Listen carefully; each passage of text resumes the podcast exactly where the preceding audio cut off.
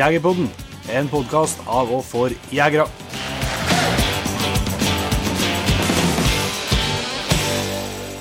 Hjertelig velkommen til en helt ny episode av Jegerpodden. Jeg heter Jon Petter Meldingen.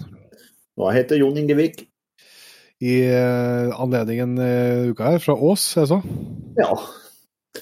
Nå har uh, vært veldig mye reising nå de siste, siste ukene. På, på fredag nå så skal det bedre bli godt å komme hjem. ja. Du har trodd at du kjenner deg fra han, da? Det er for tidlig å si ennå. Ja, det er ikke godt å si. Det er mye som skal skje de neste dagene her òg. Det, det, skal vi komme tilbake til. Uh, dagens episode det er en prat vi hadde med en kar som heter for Roger Haugan, og en som heter for Gisle André, André Berdal. Uh, de er begge meget engasjert i Sør-Trøndelag elghundklubb. Vi har egentlig hatt lyst til ganske lenge å lage en episode som er ja, det må belyse litt den jobben utrolig mye dyktige folk rundt om i hele landet, både på elghunder fuglehunder og, og, det som er, gjør liksom på hundeklubbsida. Ja. En jobb de gjør for at vi andre skal kunne få tak i bra hunder og, og få testa dem og få prøvd dem, og, og, ikke minst få hjelp til å både komme i gang og, og utvikle oss videre. Så det kan dere se fram til. I tillegg så er det litt sånn uh, en uh, intro der, kan jeg si, men uh, Roger som har lyktes godt med å få til både eh, god løshund og bannhund i, i, samme pakke. Ja. Det tror ikke vi noe på, så vi måtte, måtte fritere litt. da. Ja, det er jo klart, det er jo, det er jo, altså, det er jo mange som har det, men han har jo ja. med, med flere, flere hunder på rad. Mm. Uh, og Da er det jo litt spennende å prate med ham og høre hva, hva han, hvordan han jobber for å, for å få til det. Da, for, det vet man jo sjøl at det er ikke like enkelt å gå inn på med en uh, løshund i bånd. Nei, jeg føler, jeg føler mer at jeg kjører bil når jeg med, dem i bånd enn at jeg føler at jeg smyger noen ting. det. Det er litt variert episode, det. Yep. Men uh, før vi slipper til en Roger og en uh, Gisle, så uh, har vi denne uka her lansert en, en nyhet som vi har uh, jobba ganske så mye med siste halve året, egentlig. Ja. vi kan jo ta helt sånn fra starten først. Det dreier seg også om et konsept som vi kaller for Ta med deg en. en serie vi skal lage der, lage en Magnus Hestegrei der vi skal prøve å få trubaduren til å, til å bli jeger. Ehm, men det er jo seriøst. Eh, det skal forhåpentligvis være litt sånn underholdende uh, greier å se på, her, men, uh, men det skal være det et visst ganske seriøst bakteppe. Ja. For vi har jo egentlig så vi har jo snakka om det masse masse i podkasten, og det er noe vi bryr oss om på ekte, så er det rekruttering til jakta. Mm. Uh, og der gjør jo uh, veldig mange mye bra allerede. Spesielt selvsagt Jeger og Fisk og lokalforeningene rundt om i landet som introduserer masse ferske jegere gjennom introjakt inn og alt sånt. Men likevel så viser vel tallene at halvparten av dem som tar jegerprøven, de uh, kommer seg ut på første jaktturen. Og det er jo ikke noe bra. vi må få lukka det gapet der. Og da vet jo vi at det er utrolig givende å ha med seg førstegangsjegere ut og få se dem eh, lykkes i, i skogen. Og ikke minst eh, har vi jo fått det fortalt og hørt fra veldig mange av eh, gjestene som har snakka med Jegerpoden. Mm. Trekker jo fram nettopp det. Um, og da har vi tenkt som så at ok, men hvis alle vi etablerte jegere da, tar med oss en, ja. Første gang jeg hver høst, så kan det jo være at uh, mye av den utfordringa, i hvert fall at uh, de jegerprøvekandidatene ikke kommer seg ut på jakt. I hvert fall lyst til ikke dermed sagt man blir jeger, sagt, men da har i hvert fall fått en, en, introduksjon mot det som, uh, som jeg veldig tro på. Mm. Og Da var det jo litt uh, heldig òg, i og med at, uh, at uh, vi begynte å bli litt kjent med Magnus gjennom at vi hadde med på, på noen av streaming streamingene våre tidligere i år. Mm. Og da etter han ble kjent, men så viste det seg at han eh, var jo akkurat en sånn kandidat. Yes. Som uh, har tatt jegerprøven og jak jakta jo litt i, litt i ungdommen, men uh, ble liksom aldri helt helt bitte. Han ble ikke helt jeger, som han sier sjøl. Uh, så da var jo han en perfekt kandidat, kandidat for oss. Mm. Ja, og så tror jeg at det er en sånn historie som en, en, god del kan kjenne seg igjen i, til dem som kanskje har tenkt at ja, jeg skulle ha lyst til å bli jeger, men som ikke har kommet liksom helt igjennom. For at jeg kan jo bare bruke eksemplene eh, meg sjøl som eksempel fra i, i, sommer av. Eh, så har jeg jo prøvd både å fiske og rodd etter laks sjøl, og jeg har prøvd å fiske og, og sittet på når folk som vet hva jeg driver med. Og eh, innser at det er en viss forskjell. og sånn, sånn, vil det jo være altså, hvis du er helt fersk jeger. Og så selvsagt er det, jo, er det jo anledning og muligheter for å komme seg ut på jakt helt på egen hånd. Det, det, er jo definitivt gjennomførbart. Men jeg tror for en del så kan man kjenne på en viss sånn uh, At det er litt barriere der, da. Mm. Uh, det er mye som er nytt. Det er mye som du uh, altså, Jegerprøven gjør jo ikke at etter jeger. Den gir deg liksom det teoretiske ballasten som, du, man bør ha. Mm. Men uh, alt det praktiske er jo litt opp til seg sjøl å, bli kjent med. Og så er jo Jeg vil jo snakke om det mange ganger, at for sånn som meg og deg, som er født og oppvokst i Nye, så har vi liksom aldri sett de barrierene, for vi har vært med fra vi var bitte små. Ja. Men jeg tror nok for dem som ikke har hatt, fått den muligheten, og kanskje måtte ha gått opp veien sjøl, så, så, tror jeg barrieren kan bli litt stor til noen. Det ene er liksom det å faktisk komme seg ut og prøve det, men så andre er å faktisk kunne lykkes òg. Mm. Uh, så det jeg legger litt det med laksegreiene, at jeg har jo virkelig ikke peiling på hva jeg holder på med. Uh, det kan jo selvsagt uh, bite på en fisk for dem, men det er jo større sjanse til dem som, som, har litt peiling, og sånn er det jo på, på jakta. At om du skal på rypejakt, så kan du jo være heldig å lykkes alene helt første gangen òg. Men er du med noen som er kanskje kjent i terrenget og har jakta en del før, og sånn, så er sjansen for at du får ei, god opplevelse enda større. Ja. Så det er jo litt ideen med, med denne serien vi skal lage uh, første omgang. Å vise uh, både sånne tips og triks til, til førstegangsjegere, men ikke minst å liksom vise til etablerte jegere og hvor givende det er å få ha med seg førstegangskandidater ut i, i, skog og mark. Ja, og så er det jo ikke sånn, ikke sånn at vi skal ha med oss Magnus rundt om. For at det er ikke vi er ikke så uh, vidvinkla i jakta vår, heller, så Vi, skal jo, vi tar med oss han rundt omkring til folk som vi etter hvert har blitt kjent med. Yes, absolutt. Med uh, dedikerte jegere på, på ja, spesiell, en spesiell jaktform, på et vis. da. Mm. Det, er det. Så det blir jo litt, ja, det blir litt sånn som podkasten. Ja. At uh, Vi har jo hørt om det aller meste av jaktformer, og, og sånn, men det er jo ikke, ikke sånn vi kan dem for dem. Så vi må jo, folk, vi må jo ut og, og, treffe folk som kan, eh, kan mer enn oss sjøl. Så det, jeg tror vi har begynt å filme litt, litt eh, skjøting og litt utstyr og litt sånn, og så skal vi fer vi ut nå i morgen. Da skal vi en dag på harejakt med Stula Austølen, og så skal vi på hjortejakt med han mm. etterpå. Eh, så da håper vi at vi kan få noen gode klipp, da, noen gode minner til jaktdagboka til en hestegreie. Det har jo vært helt, eh, helt konge. Så, så, er det jo viktig å, å skjøte i det. Også i det Grunnen vi sier ut vi lanserer et konsept, det, det med å ta med deg inn. Um, det er jo at vi håper jo og tror at dette på en måte kan være starten på noe som, som kan bli større. Mm. Uh, og som nødvendigvis ikke Jegerpodden trenger å uh, ei, for å si sånn. Eller det kan like gjerne være noen som vil ta tak i den samme uh, Bruke den samme liksom, paraplyen. Uh, og jeg tror jo at det å ta med seg en kan like, funke like bra på fisking og på friluftsliv òg, som bare på jakt. Mm. Så, så, jeg har jeg har veldig trua på det konseptet, og vi har jo vært knallheldige og fått med oss noen kjempedyktige og ja, troverdige og bra samarbeidspartnere i både Norges Jeger- og Fiskerforbund og Inatur og, og Friluftsmagasinet. Eh, så vi sier takk til dem foreløpig, og så skal vi komme mer tilbake til det sikkert. Men i tillegg så er det jo sånn da at eh, det, å lage den serien sånn som vi har lyst til å lage den, eh, og som ja, på en proff måte, da. Vi har med oss proffe folk bak kamera i hvert fall, og i, i regi og sånn, så er det sånn at det koster en god del penger. Eh, men vi har lyst til å gjøre det her skikkelig, for vi har lyst til at eh, det som blir laga skal ha en god kvalitet, sånn at det kan nå enda bredere ut enn, hva Jegerpoden gjør til vanlig. Mm. Eh, og vi ønsker at det skal stå seg over tid.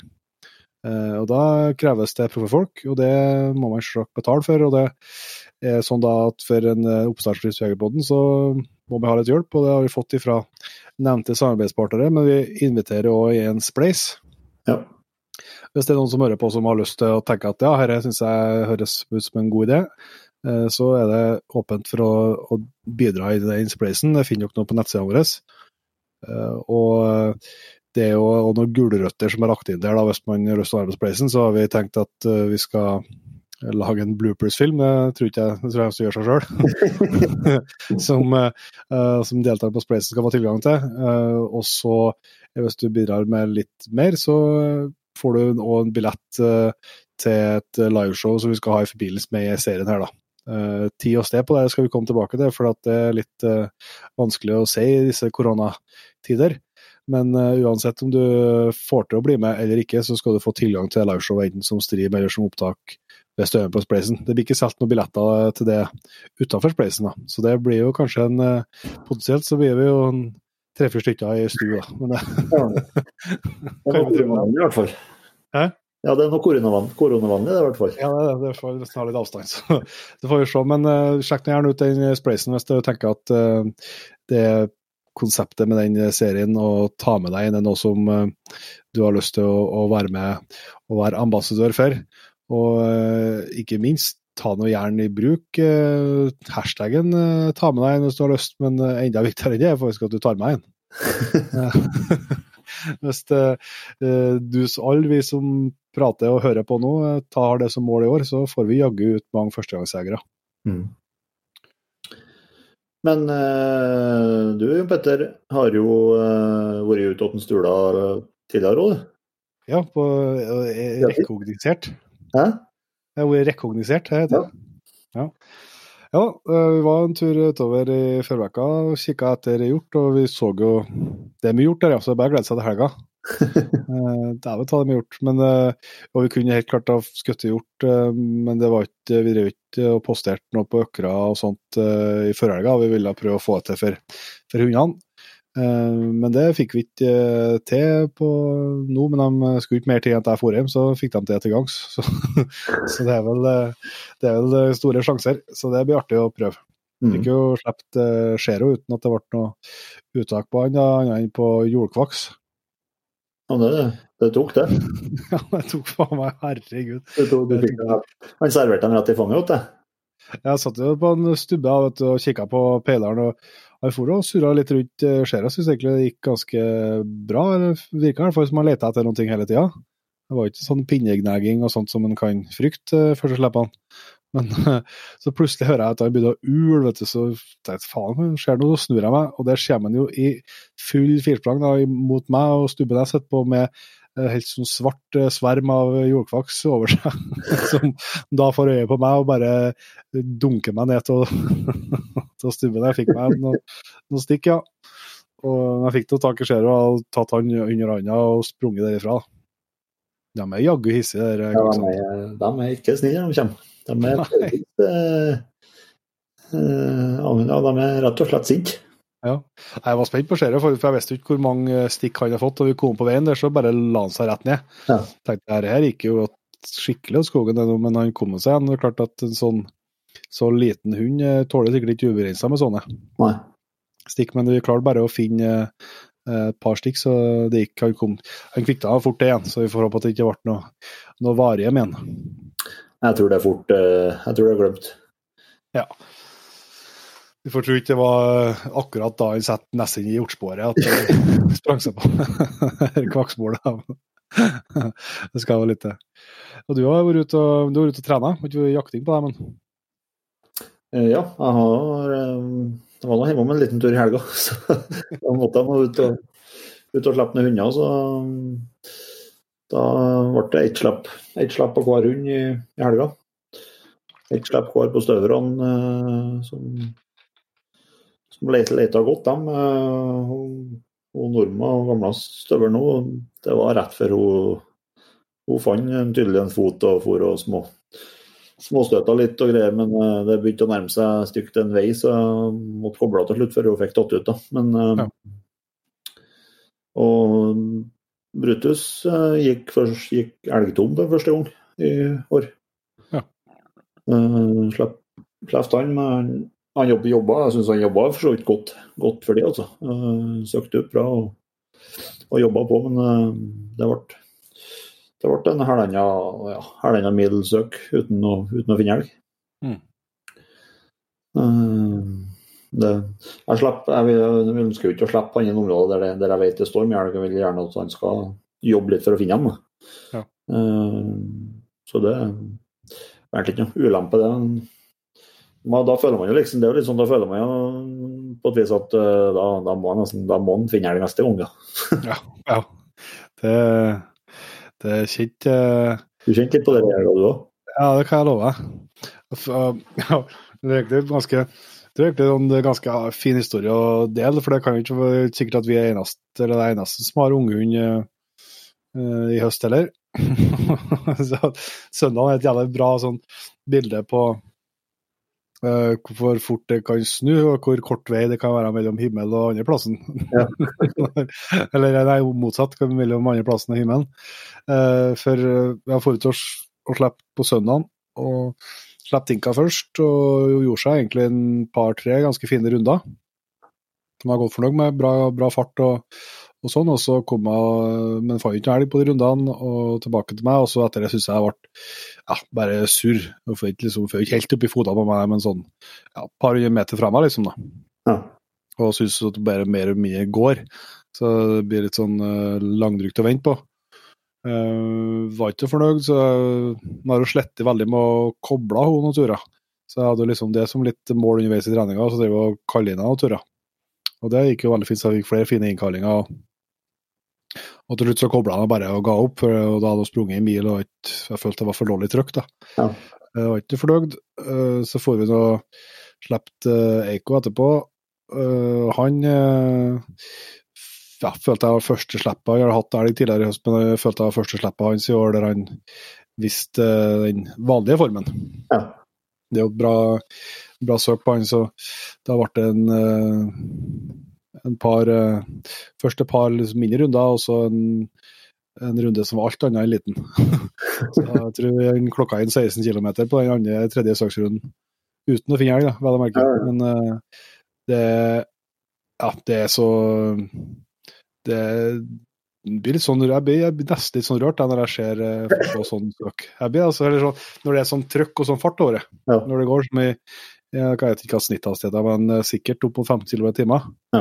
Det går så fort, og uh, det er så tydelig at han vet akkurat hva han har tenkt. Nå skal jeg bare springe til jeg finner noe. Ja, og så får du, du får dekka et helt vanvittig område. Ja, det gjør det. Så, og så er det fast, slutter aldri å fascinere meg hva det er. Så det er et område han ja, har vært sluppet oppi der én gang før, da. Ja. Uh, så jeg er jo ikke kjent, det var han ikke på den kanten han var nå, så var han ikke heller. Hvordan, hvordan han klarer å komme tilbake. Ja. Han har et bra kompass innbygd, ja.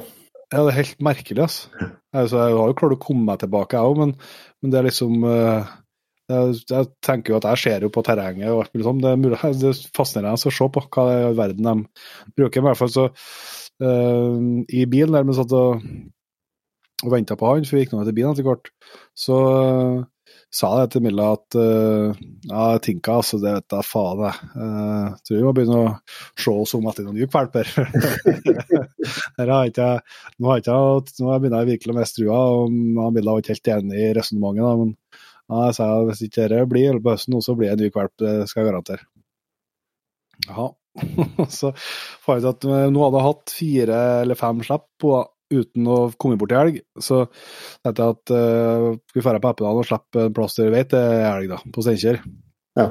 Bare så jeg i hvert fall fikk se hvordan hvordan uh, møtet med elg var, liksom, om å ha mista helt, eller om det var bare tilfelle at du faktisk ikke har funnet noen elg på slippene sine. Uh, og gjorde det, og slapp da, og da ble det uttak etter 100 meter, som sikkert var godt varig med før, så ville jeg ikke stå. Så, men den hang han opp på en uh, Gjorde seg en jævla runde rundt ei stor myr der, uh, og hang vel på sikkert en vet ikke, åtte-ni kilometer. Ja. Så ble det stopp en stund, og fin los i noen, eh, bare noen få minutter, men la los. Og så kryssa med ei elv som hun ikke ville etter. Uh, og da var jeg jo spent, da, for at jeg, som sagt har vi jo slettet Du vet jo, du har jo sett det sjøl med egne øyne, ja, ja. eh, hvor umulig det kan være å koble henne hvis det, det har Det er helt sånn merkelig, hun ser ikke på deg, du får ikke tak i ja. Eh, Men da tok jeg baksporet sitt perfekt tilbake, de kilometerne tilbake til meg, og når jeg plystra på henne, så kom hun rett i fanget på meg, og så steika blid. Ja. Og jeg òg. Ja, det, det var det var ja, Du må bare, bare, bare fortelle videre, men det var Ja, ja. humør på dem prata med meg på søndagskvelden, i hvert fall.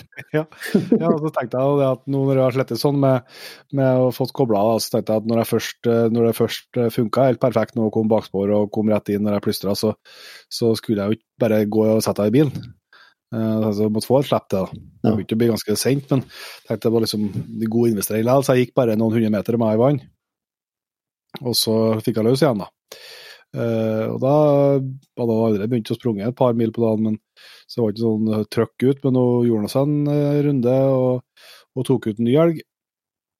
Og så, ja, det gikk det gikk bare Jeg hørte ikke uttaket, men jeg, men jeg så det på GPS-en. og så gikk det bare 400-500 meter, og bom stopp. Og los og, og los, ja. Og steika fin los, faktisk òg. Hun skjelt som faen. Og ble stående der, eh, ja, jeg vet ikke, i et par timer, kanskje. Mm. Eh, ble i hvert fall, eh, ga noe seg etter hvert eh, når det ble, det ble mørkt, men hun slo kanskje en time etter det ble mørkt. da. Så så jeg at hun begynte å gi seg og begynte å lete litt. eh, og sånn, Så gikk jeg litt nærmere og, og plystra, og hun kom rett inn. Ja. Så da var jeg nesten jeg var inne og skulle melde på jaktprøve. Så det kan jo i hvert fall være en trøst eh, til andre unghundeiere at uh, jaggu kan det være få timer altså, mellom at du tror at dette her er bare å gi opp, til du nesten sitter med tårer i øynene og er så glad at du ikke vet helt hva du skal gjøre. Ja, det snur fort, men det er jo det som jeg gjør at det er artig med unghund. Ja, ja, det er jo Når, det, når, du, når, det, når du får sånne oppturer. Men Det det er føles som en, Ja, det er åpenbart. Nei, altså, du har jo ikke gjort noe galt på slippene sine. Det er bare at du ikke har funnet noen ting, og at jeg har ikke følt at det har vært nok trøkk. Ja. Eh, så, eh, så får du liksom ikke Det er som du ser, det er jo absolutt bra at de være ute og springe. og Jeg hadde jo vært der jeg har vært den første helgen og funnet på en dag, så har det ikke blitt så mye trening av det. Mm. Uh, for utholdenheten. Men eh, det var jaggu godt å få svar om at, uh, at dette ser ut til å kunne, kunne funke. Og Ja. da, ja, da er du på topp igjen, vet du, som en Rasmus har prata med. Det føler jeg som kungen. Ja. yes, skal vi eh, rett og slett komme i gang og prate med en Roger om Gisle? Det gjør vi. Da har vi gleden av å ønske Roger Haugan hjertelig velkommen til Jegerpodden. Takk for det. Og eh, takk for mat. Vær så god. Akkurat fort servert her på Hvor Hva vi er nå? Er vi på Sokndalen. Sokndalen, ja. Ja. Eh, Vi skal eh, snakke om eh, en del forskjellig, annet litt eh, hundeklubbarbeid etter hvert der, eh, med en kar til òg. Men først, eh, Roger, så eh, jeg har lyst til å bli litt eh, mer kjent med deg. Kan ikke du starte med å fortelle litt om deg sjøl? Det kan jeg gjøre, vet du. Heter som sagt Roger Haugan. 53 år og opprinnelig fra Vuku i Verdalen. Ja. Og nå bor jeg på Grøa på Nordmøre. Jeg har farta rundt omkring og bodd mange plasser i, i Norge i forbindelse med studier forskjellig. Og jeg er alenefar til ei på 13 år. Og har en uh, hund som heter Framigo, en hjemthund. Ja. Og den skal vi jo snakke litt mer om i dag. Jeg er bestandig vært lidenskapelig interessert i våpen og jakt. Og jeg bl.a. jobba i våpenbransjen i Trondheim i nesten ti år. Og da jobba jeg på våpensenteret og Trøndelag Våpenimport. Ja. Og nå da så drev jeg ganske mye med hund, og ikke minst så sitter jeg i styret i Sør-Trøndelag Elgkornklubb. og jakter ganske ivrig, da. Hvordan, eh, hvordan var det som jaktinteressen starta og kom? Det, jeg har en far som jakta ryp, men han var ikke noe sånn spesielt ivrig jeger. Han var på rypejakt og litt forskjellig. Men så har jeg en nabo, Sturla Bendiksen, som var ganske høyt opp på NM og forskjellig hvert år med fuglehunder. Så jeg og broren min vi ble veldig fort med en Sturla da, og fikk en veldig god utdannelse på hund og Sturla. Vi var med han og lærte fryktelig mye. da, så når vi var Jeg var fem, nei, jeg var 16 og broren min var 15. Da fikk vi kjøpe vår første fuglehund. Ja. Don Henrik Vold oppe i Verdalen. Og satsa voldsomt, selvfølgelig. da. Trena han enormt. Og det, det arbeidet da, det er vel mye av det jeg bygger på i dag òg. Ja. Selv om jeg er helt annen rase og helt annen jaktform. Altså grunnprinsippene er jo mye det samme. Ja. ja det, de er jo stort sett hjemme, hundene, uansett hvordan hundene er. Ja, de er der. Ja. Men eh, eh, hva jakter du i dag, da? I dag så jakter jeg stort sett uh, litt rein og bruker mye tid på elg og hjort. Ja. Og så har jeg så vidt begynt litt gjennom å jakte litt bever. Så jeg var oppe i Namsskogen for et par år siden og skulle dit igjen nå, men det ble stoppa på rundt korona. Ja. Så det syns jeg var skikkelig artig å begynne på med igjen. da. Ja. Småviltjakta den driver jeg fryktelig lite med, eller tilnærmet lik null. da, For at i Sunndalen, så når jeg kom dit, flytta dit da, for 20 år siden, så for en hverdaling, så det er jo ikke ryp der. Og det nytta jo ikke å ha engelsksetter når det ikke er noe å trene på. Nei. Så det slutta jeg med. Og så etter noen år der jeg reist fryktelig mye i verden rundt og installert nye fabrikker, så når jeg slo meg til mer i Norge igjen, og så fikk jeg til først jevnthund. Ja. Og etter det så har jeg drevet med jevnt. Mm. Ja. Men du nevnte jo at du har jobba i våpenbransjen i noen år. Jeg er litt spent på hva som står i våpenskapet? Da. Eh, har du tida til det? Da har jeg, ja, Det vet jeg ikke om det er tida til, men jeg har litt lyst til å begynne med at jeg har ingen plasser. Nei, jeg er veldig glad Starta så bra med jentene og greier. Ja. jeg er veldig glad til sånn klassiske jaktvåpen. da. Ja. Så Jeg har aldri samla våpen, men jeg har plukka opp noen sånne godbiter. Her, altså, jeg har en del mannlige skjønnaver. Jeg har bl.a. en Holland og Holland. Jeg har en Greifelt ja. enkeltskuddsriffel. Men det jeg i all hovedsak bruker, da, er veldig heldig, da, for at jeg har jo to veldig gode kompiser som er kjempegode børsmakere. Ja. Og jeg har jo en del våpen som de har bygd opp opp meg. da. Ja. Og I den tida jeg var i Trondheim, så bygde jeg opp en del sjøl, men det var jo mer sånn jaktfeltvåpen, så de var ikke fine. De bare virka. Ja. Men jeg har en eh, på elgjakta, så er vel favoritten en 358 eh, Remington. En eh, custom-bygd modell 7 som er bygd til løshundjakt. Og så har jeg en Dakota som er helt custombygd, som bare låskassen kom til Norges land, og som en Dag Ole Vardi bygde av meg, i 8x68. Og så har jeg den gamle favoritten jeg har i sånn militær snipergevær, en Støyer SSG. Så hvis det blir for jævlig været og det blir litt vanskelig, så er det automatisk den som kommer fram. Men da må vi ha noen ord til om kalibrene, for oss som ikke er eksperter på det? Ja, eh, dem jeg nevnte, tenker jeg på. Ja, ja. 358 da, det er egentlig en eh, trinnlåthylse med en 9 mm-kurt i. Eh, veldig hendig for relativt korte hold, at det er et kort håndførervåpen. Mm.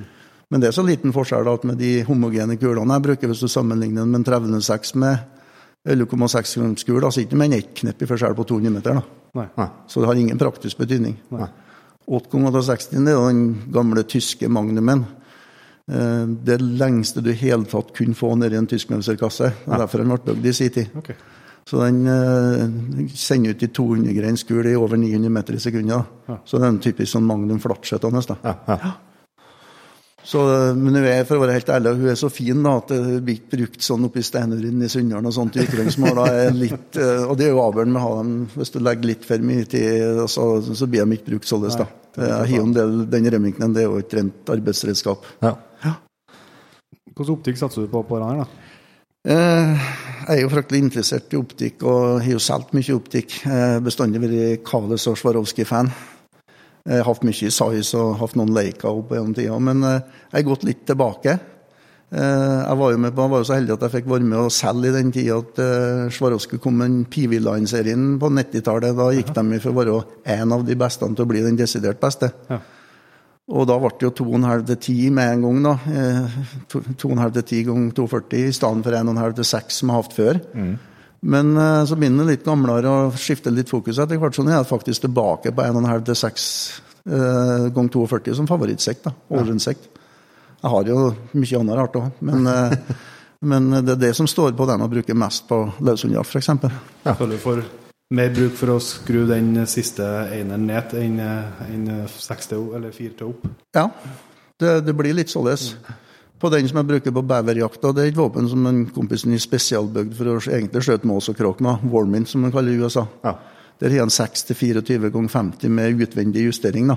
Ja. For det, det, det skruver du jo hvert knepp på bare 3 millimeter. Ja. Så ser du en bever på litt langt hold, så kan du må skru 40 knepp. Selv om man er ekstremt flatskjøttende, så hvert knepp er jo så lite. Ja. Så den type skjøting da, den syns jeg er skikkelig artig. da. Langskjøting og, og finskjøting. da. Jeg har ikke noe spesielt talent for riffelskjøting, så jeg er nødt til å trene mye for å føle at jeg er god nok. Da, så at jeg prøver å skjøte fra 500 til 1000 skudd i året som, i trening. Ja. Uh, og det kan jeg nevne, det er litt sånn filosofien min har forandra seg etter hvert. For jeg sto et år og har reist mye og ja, kanskje skutt i 450 skudd og innså at jeg kom så aldri til å nå målet mitt i året. Men da begynte jeg å tenke på når jeg gikk og klistra skiva, at det er kanskje bedre å glede seg over de 450 skuddene enn irritere seg på de 450 du ikke får skutt i. da. Og etter det så liksom syns jeg det ble mye artigere å trene igjen. og ble ikke jag, liksom? Nei, jeg ble iallfall mindre jag, og kanskje ja. konsentrere seg mer om detaljene. At det ikke er antallet nødvendigvis som teller, selv om jeg må skjøte ganske mye. da. Mm. Kvalitet framfor kvantitet? Ja, og, og det med du, du har bedre effekt hvis du koser deg når du holder på. Ja. De tre millimeter på kneppet, har du er det mye, mye, behov for det hos deg? Nei, jeg føler ikke det, altså. Nei, vi er ikke så, ikke så på detaljnivå, nei. det er klart kan strekke hånda litt, så er det en jævla fordel, selvsagt. Ja, det, det, altså, det ble jo en ny verden eh, eh, Når jeg fikk til det kikkertsjekket i sin tid, da, så viste det seg at det er sånn paraksjustering frampå. Der du justerer for å få en klår på hold. Ja. Og den var så nøyaktig at du kunne bruke den som avstandsmåler. Det var ja. fantastisk fin optikken til en Swarovskin. Ja. Og veldig dyr for sin tid, men han var verdt det. Men så i 2002. Da jobba jeg i Texas et drøyt halvår. og Da kjøpte jeg meg min første laser avstandsmåler, den Leica. Og den har jeg ennå. Ja. Og det er så klart med avstandsmåler som er kanonbra. Da. Så da denne med at du bomma på holdet, den eksisterer jo ikke lenger. Nei. Du trenger i hvert fall ikke gjøre det. Nei. Det, også, du får et helt annet fokus på det, for du føler deg trygg på avstand hvis du bare får tida til mål skikkelig. Ja. Nei, men da, nå begynte å fått eh, Det var en god innledning fra våpenskapet. Ja. besto prøven der, selv om ikke andre blazer. vi skulle hatt oss en kveld og kikka inn i der. det får vi se på. Men uh, det som uh, De tingene som vi har gledet oss veldig til å, til å prate uh, mer med deg om, Roger, det er jo eh, at eh, den hunden du snakka om, bruker du både som løshund og bannhund. Ja. og det er jo et fenomen som jeg vet jo at jeg har hørt om det, skal jeg si. Men, eh, men jeg, du har aldri opplevd det? Nei, jeg, jeg trodde jo et fem minutter i fjor høst at jeg hadde bannhund. For da hadde vi jo banna oss innpå en elg, men det var helt til den elgen ikke ville stå i ro lenger. Da innså jeg at jeg hadde ikke bannhund igjen. da var jeg ganske livete i, i bannet. Men eh, du må først kanskje si litt om, uh, om hvorfor du har ønska å, å, gjøre det sånn med, med hund, den hunden. Ja, det Jeg fortalte jo at jeg har drevet med litt forskjellig noen uh, hund.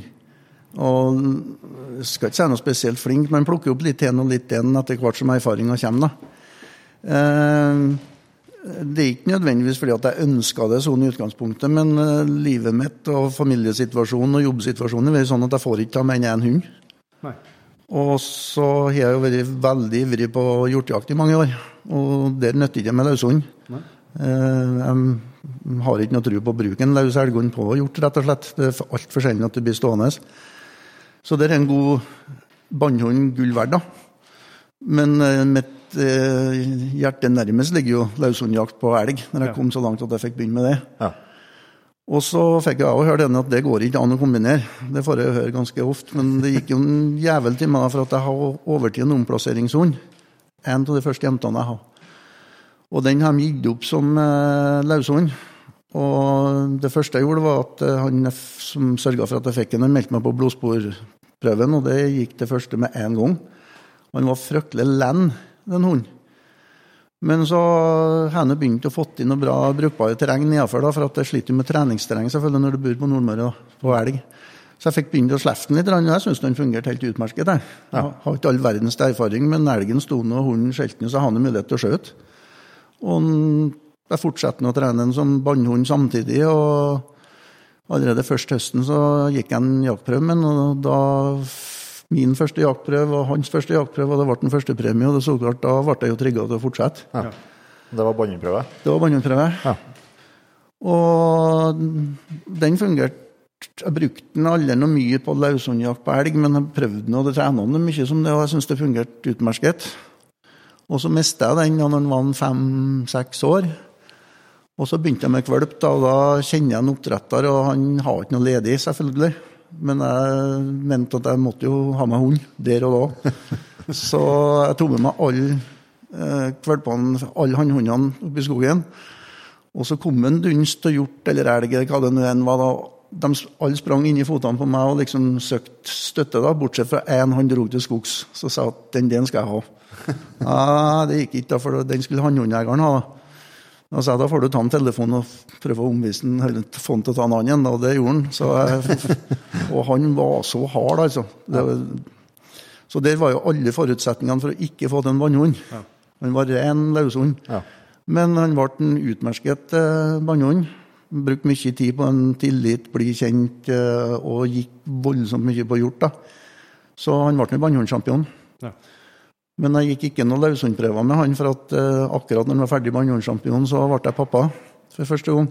Så da ble det litt skifte til fokus. Men uh, han ble brukt desidert mest som elg. da. Ja. Og var jo egentlig litt sånn utstillingsstjerne. Han var med på 13 utstillinger og fikk 13 førstepremier. Ja. Eller Excellent, da, som det er nå. Ja. Det var best in show, best i rasen mange ganger. ja. Men hvordan, hvordan går du fram for å liksom eh, For at ja, ut ifra både mye og Jon Petters erfaring, så, så Det kan jo Du har ikke prøvd det, da? Jeg har ikke prøvd det, nei. Men altså, ut ifra de, ut ifra de eh, gangene man har gått seg inn på elg med løsningene våre i bånn, ja. så blir de jo noe hete. Ja. Uh, uh, de sier jo at det er mulig, men han han er nå, det er jo tredd inn på rad, tre ja. av tre, som jeg har fått det til med. Eh, begynner selvfølgelig da med bånd. Ja. Eh, og så er det voldsomt stor forskjell. på Han forrige han var ekstremt hard. Ja. Han jeg har nå, han var så len når han kom til gårds. Han er fantastisk stamtavle. Sånn at jeg trodde det kan jo umulig bli noe løshund. Men eh, han, eh, han, er naturlig stille, han er nå. Ja. Så der var det fryktelig enkelt å få til den med bånd. Mm. For det, det, er ikke normalt at det er noe lyd til den. Men nå etter de årene så en kanskje den hardeste jeg har hatt noen gang på elg, og han har losa bjørn flere ganger og greier. Ja. Og jeg, Det var jo litt opplevelse at vi fikk til kamera på han, for han har utspent tenner, han har skjeve tenner, han er så blodet sprutet når han blir spent, men det bare er to sekunder, så er han på igjen. Og han er sånn at hvis jeg klipper øret på han, så hylskriker han jo overfor meg. Ja, ja. Men han det, når han var stille i bånd, så var det et rent ressursprodukt. Ja. Så han, han, må føle seg fram underveis. Ja. Og så må han bruke så mye tid på dem i bånd at han føler seg trygg på at det, at det sitter. For at uh, når du jakter i vekka med en som løshund ikke sant, og har på en greie, ja. så er han jo båndhund igjen. Mm. Og da må du være sikker på at det er i orden igjen. Og det fungerte helt uten at jeg kan sette fingeren på hva det er som gjør det. Ja, for Det er litt to vesentlige forskjeller. Altså, men Løsund, da, da, er det jo ikke så fryktelig mye man som eier kan gjøre annet enn å tilrettelegge best mulig for hunder med, med, å slippe i uberørt område og slippe rett vind og sånt. Mens, mens eh, som bannhundfører så, så har du et mye tettere forhold til hunder. Ja. Uten at jeg vet eller har noe bevis for det, så tror jeg det at det forholdet man får til hunden som vannhund, der du har et mye tettere samarbeid, ja. tror jeg har gagna meg litt på løshund òg. For at uh, i fjor så gikk han seg fast på ei fjellhyll på tur tilbake til meg etter at han har stått og losa i måneskjennet en liten stund. Ja. Og det er første gangen på 16 år jeg har hatt en hund ute om natta. Ja. Uh, alle de treene mine, når det blir mørkt om kvelden, så gir de seg og kommer tilbake. og Om de er så langt unna at jeg tar dem på Garmin, så kommer de rølende bak sporet. Og når de finner sporet mitt, så kommer de inn. Mm. Men han ble sittende fast på ei fjellhylle altså, til morgenen etter. da. Og det tror jeg kan være en effekt av at jeg bruker mye tid på dem som bannhunder først. da. Ja. Og så er jo en, Det som er størst ulempen til meg, det er at jeg har ikke muligheten til å ha mer enn én hund. Nei, nei. Men da har du litt tettere kontakt med den ene hunden. Han, er, han er familiehund resten av året. Mm. Og så prøver jeg å bake inn noe sånn regler bare for å holde denne med dressur litt inn. da. Vi vet jo hvordan det går med, med innkalling tradisjonelt når du begynte å skutte noen elger for dem, og det er jo ikke så enkelt opp med alder nødvendigvis. Men det er, det, han kommer aldri ut ytterdøra hjemme mot meg eller inn ytterdøra før han har satt seg. Og det skal ikke være nødvendig å si noe. Så det er en del sånn ting som jeg bruker bare for å minne ham på det at vi har dressur, og det er noen regler som skal følges. Ja. Og kanskje det kan være med å hjelpe til. Likeens når han åpner døra på hundegrinda inni bilen i hundburet, så setter han fram føttene på støttfangeren og så setter han seg der og venter på han får på bandet. Ja. Han stormer ikke ut, liksom. Nei. Hva som har skjedd hvis jeg har snudd ryggen til han og glemt han der, da, kan vi nå diskutere. Men iallfall så at det er noen sånne remindere hele tida, ja. det har jeg litt tro på. da. Ja. Men uh, når du starter med, med bånd, da, uh, vil det si at du liksom føler at du har den ferdig i hermetegn som, som bannhund eh, før du slipper første gangen? Normalt sett så vil jeg gjøre det. Han i nu som han var såpass len, var ikke så bekymra for, for han var jo så stille at uh, om han trengte litt erfaring som bannhund, så han har jo den viktigste momentet med å være stille, det han jo inn. Han Førrin, han uh, brukte jeg mye tid på. og Satt og kikka på mye hjort som gikk på innmarsk, og vi gikk inn på bare satt og kikka. Og på det råeste så har jeg jo mega hjortejakt, pluss at jeg stilte opp som hundfører på fem forskjellige elglag uh, i to år. Ja. Så at hunden skulle få maks antall timer på skogen. da. På det ene laget så var det litt løshundjakt, men resten var bannhund. Så han fikk jo noe, mange mange fall og enormt med timer på skogen. da. Ja. Og så fikk vi til løshundterreng sjøl. Da begynte vi oppe i Arvaslia oppe i Lierne. Ja. Og da ble den jo ren løshund. Men det, på hjortejakta hvert år så ble den jo brukt som bannhund. Og det var aldri noe sånt kall det tilbakefall. Nei. Han satt jo helt ifra han var bitte liten kvalp. Da, når jeg gikk som kveldsrunde, og sånt, og så svingte jeg bortom to jakttårn som jeg. og Da tok jeg han opp i armen og så bar jeg han opp i jakttårnet. Og så satt vi der i kvarter 20 minutter og så rusta derifra. Ja. Så sjøl om han ble 38 eh, kilo, så klippa jeg bare tiden, og så bar jeg han opp stoggen opp i jakttårnet. Og han der kunne sitte hele kvelden. og Du verden, jeg sovet mange timer på post i jakthåren. Ja. Men jeg tror ikke noen gjort så mye godt forbi meg ennå. For det gjorde at jeg la bare hånda på nakken på hunden, og han, du fikk jo beskjed lenge før det var noe, kom noe utpå. Ja. Så det var varsler? Det var varsler, ja. ja. Og det, om den kom gjort 20 meter fra jakttårnet, han var helt stille for det. Ja. Det eneste du kunne høre, det var klørne på gulvet når han begynte å flytte på seg kikket mellom gulvplankene for å se om at han kunne få se den. da. så Ja, så klart å jobbe med sånne provokasjoner som dere, sånn at det gikk veldig kontrollerte former, er jo selvsagt en, en jækla fordel, da. Men, det er jo det. Men, men du, har ikke, liksom, du opplever ikke at det er noe sånn type tilbakefall, skal jeg si, altså når du er jakta, men jo si ei uke, og så skal du sette på den så fort den får på selene, så skjønner du at nå er ikke nå er ikke sånn jakt lenger. Det, det de kobler det med selene og settingen og alt i hop. Ja. Det eneste som kan være at den første par timene, og så kan det hende du må stoppe og si ifra at de drar litt for hardt, for de ja. blir litt vel hete i båndet. Ja. Og på en stor jevnthundhanne, så kjenner du jo den. Ja, det er jo som å kjøre bil. Ja, men, men, men, da, men da, samtidig altså, da gjør du noe med de. Du finner ja. ikke at hunden går og drar, for det klarer du ikke. Nei. Men bruker du vest på når du har den løs? Eller har du, har du ikke noe på ryggen på nå, skal du si, at den forbinder deg med sela, f.eks.? Nei, jeg bruker vest og hærspann og to, både trekker og Garmin. Ja. Eh, nå har jeg begge to i hærspannet, pluss at jeg bruker vest, så det skal være lettere å se den, og ikke minst det med telefonnummer og navn. Ja, ja. Men jeg må jo si at det, det er jo et lite paradoks, da. Det, livet før og etter Garmin det går ikke an sammenligning. Jeg lærte jo mer på de to første dagene med Garmin. Jeg lærte resten av hundelivet mitt til sammen når det gjaldt eh, løshund. Det tør jeg påstå. For jeg begynte jo som sagt med gammeldags spillere. da. Og det var jo tvilsomme greier, da, i beste fall. da. Eh, men nå bruker vi jo utrolig mye penger på klær for oss som skal være stille. Vi skal gå stilt. og så utstyrer vi hunden med nylonkjeledress og sender den til skogs. Da den vesten og greier, det er nå ikke stilt. Nei. Så jeg har vært meget meget skeptisk. Men uh, samtidig så har jeg sett en del uttak, og det er det som gjør at ikke elgen står, tror jeg, når den ikke står. Nei. Uh, jeg har godt kunnet tenkt meg en vest som var stille. Ja. Men den vestene våre vi bruker, den bruker begynner mer, mer og mer voldsom og mer og mer nylon til. Men ja. jeg ser ikke noen forskjell på det. Nei, jeg jeg har spekulert mye på dere det siste året. så jeg skulle også slippe ut en vest. Jeg har brukt vest hele tida. Um, men jeg kan, ikke, altså det, jeg kan jo ikke si at det er sånn, for det kan man jo aldri. Og det er jo det som gjør det litt artig òg. Men, uh, men jeg, vi hadde en sånn runde gikk gjennom i fjor, egentlig ganske tilfeldig. Men jeg begynte liksom å å gå gjennom losene vi har hatt, uh, som vi kom på de siste par årene.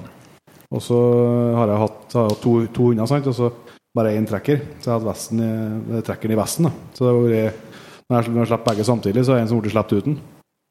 Og begynte å gå over liksom, og rekke den, så kom vi jo fram til at uh, det har jo de gangene vi har hatt ståldoser, så uh, var et stort, uh, stor overvekt den ble sluppet uten vest. Uh, I hvert fall dobbelt så ofte.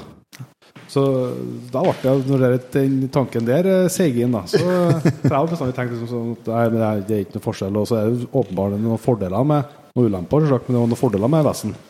Ikke minst for synlighet og og sånt. Men uh, den har blitt såpass uh, skummel, den tanken nå, at jeg tror ikke jeg kommer til å dra til med noe vest i høst, nei.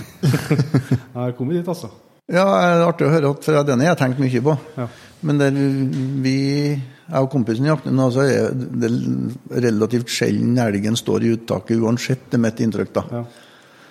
Uh, det, er, det, er, jeg enig med deg i. Hmm? Det er jeg enig med deg i. Ja. vi hørte jo alle i håp om hunder der elgen står uansett i uttaket. Mm. De hundene er så mye bedre enn andre. og Det kan godt hende jeg har aldri fått eh, æra til å jakte med en sånn hund. Eh, men i og med at jeg driver med det, det jeg driver med, og den med å kombinere hund, altså hva det andre han sier, da, det bryr jeg meg egentlig ikke så hardt om. Da, for at da må du, Skal du holde på med noe sånt som jeg gjør, så må du egentlig stole litt på deg sjøl og ha litt trua på det du holder på med. Mm. Eh, og det er det samme som at noen hunder går til førstepremie hver gang du slipper dem på en jaktprøv. Jeg sier at det er forbaska rart, for at uh, når jeg går jaktprøve, så enkelte ganger står jo ikke elgen. Kan jo selvfølgelig være hundens skyld. Men de gangene det er elgtomt terreng, da, så er det ikke hundens skyld. Nei. Og det er nå ikke laga en elghund ennå som lager elg. så den historien den, de tar jeg med en klype, da. Ja, ja. Og hvis det er rom for det, så kan vi ta en liten jakthistorie med en gang.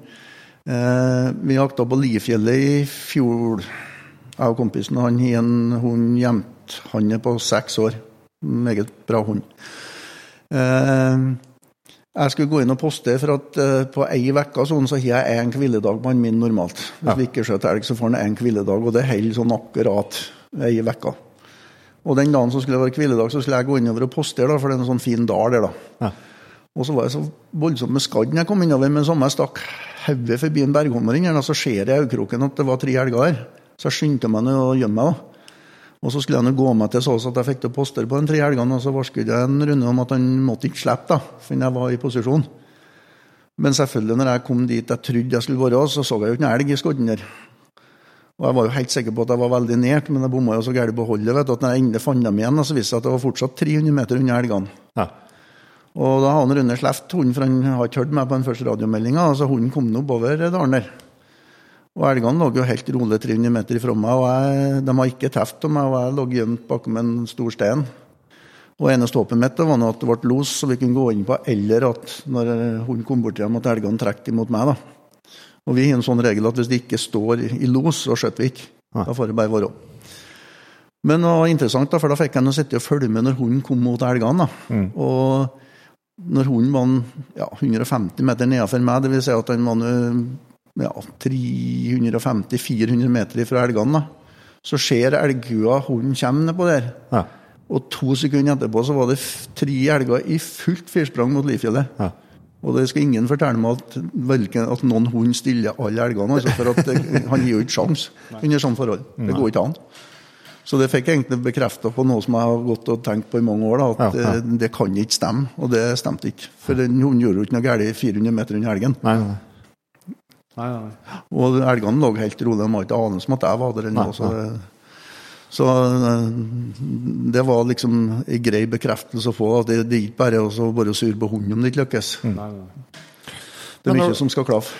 Når du bruker den som, eh, som bannhund, da hvordan, eh, hvis, du, hvis, du, går deg inn på hjort og sånn, hvordan reagerer en Vi har hatt med oss Magnar Nordsveen i podkasten tidligere som vi snakka om, om det med bannhundjakt og sånn er den liksom rolig og fin når, når, dere kommer inn på dyrene, og at du får, at du får skuddsituasjoner?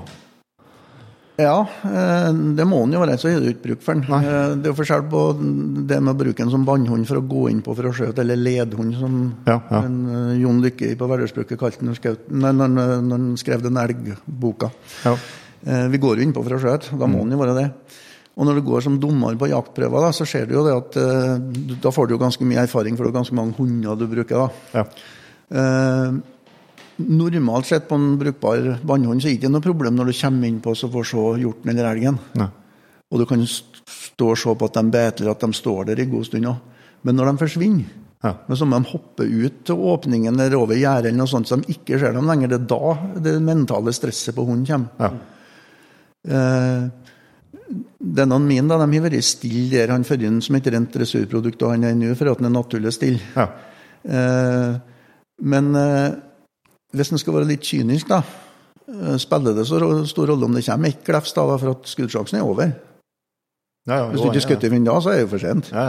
Så etter min mening, da, hvis du vil prøve å få til en kombihund, altså, hvis det er det du sliter med, er det noe sånn ja. ja. Sjansen i forrige. Ja, sjansen i forrige. På en jaktprøve så blir du straffa for det. Ja. Men eh, elgen eller hjorten får noe sannsynligvis fordi at de visste om det. Så den ene boffet som kommer, eller hva det nå er, det, det, det, har ikke noe å si, tror jeg. da. Men tror du man kan komme ut for det problemet at, at uh, hvis man gjør, uh, gjør sånn som Sånn som, uh, som, du har lagt fram nå, at man går liksom, så en blir en ferdig bannhund først, og så skal man begynne å slippe den og, og begynne å prege den som løshund. At man opplever at, at hun at hun finner elg, og sånn, at den, at den bare er sammen med elgen uten å lose? Nei, Det tror jeg ikke har noe å si, for at uh, denne med losinga ligger jo til dem. Ja. Uh, så om du går kveldstur med den i bånd hver kveld, om du bruker den som båndhånd, uh, det tror jeg ikke har noe å si. Jeg har aldri opplevd iallfall at de ikke loser i lammeelgen. Ja. Ja. Det tror jeg er andre ting som kan til i tilfelle. For at Hunden vet at når du er på bannhund, så er han i lag med deg, og han vet at uh, når han er på løs, så er det han som står for det. Så mm. nei, det, det. Jeg, tenk, jeg tank, tanken mange ganger, ja, ja. men uh, aldri opplevd det. En annen måte å tenke på, på uh, Kanskje ikke det største problemet på hjemthund, for det er ikke så mye bannhundliner, men på gråhund f.eks., mm. der man har både bannhundliner og løshundliner. Hvis man vet man, at man tenker litt som deg, at man skal ha en kombihund. Mm. Hvilke linjer skal man eh, sikte seg inn på da?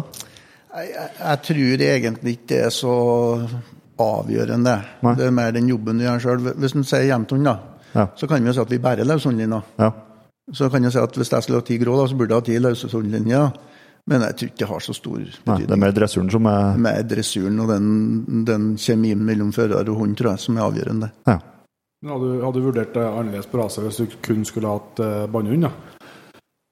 Eh, ja, det har jeg absolutt gjort. Eh, for å få å bære og gå ned Kjetten i Sunndalen til skredskogen, så er jo så klart en fordel dess mindre hund er. Mm. Ehm, det er, to, eller det er flere årsaker til at jeg valgte gjemt. En kompis av meg har jo en fryktelig gode hjemthunder og var oppdretter, så jeg fikk bruke den første der. Det var jakt mye med den og ble litt imponert. da.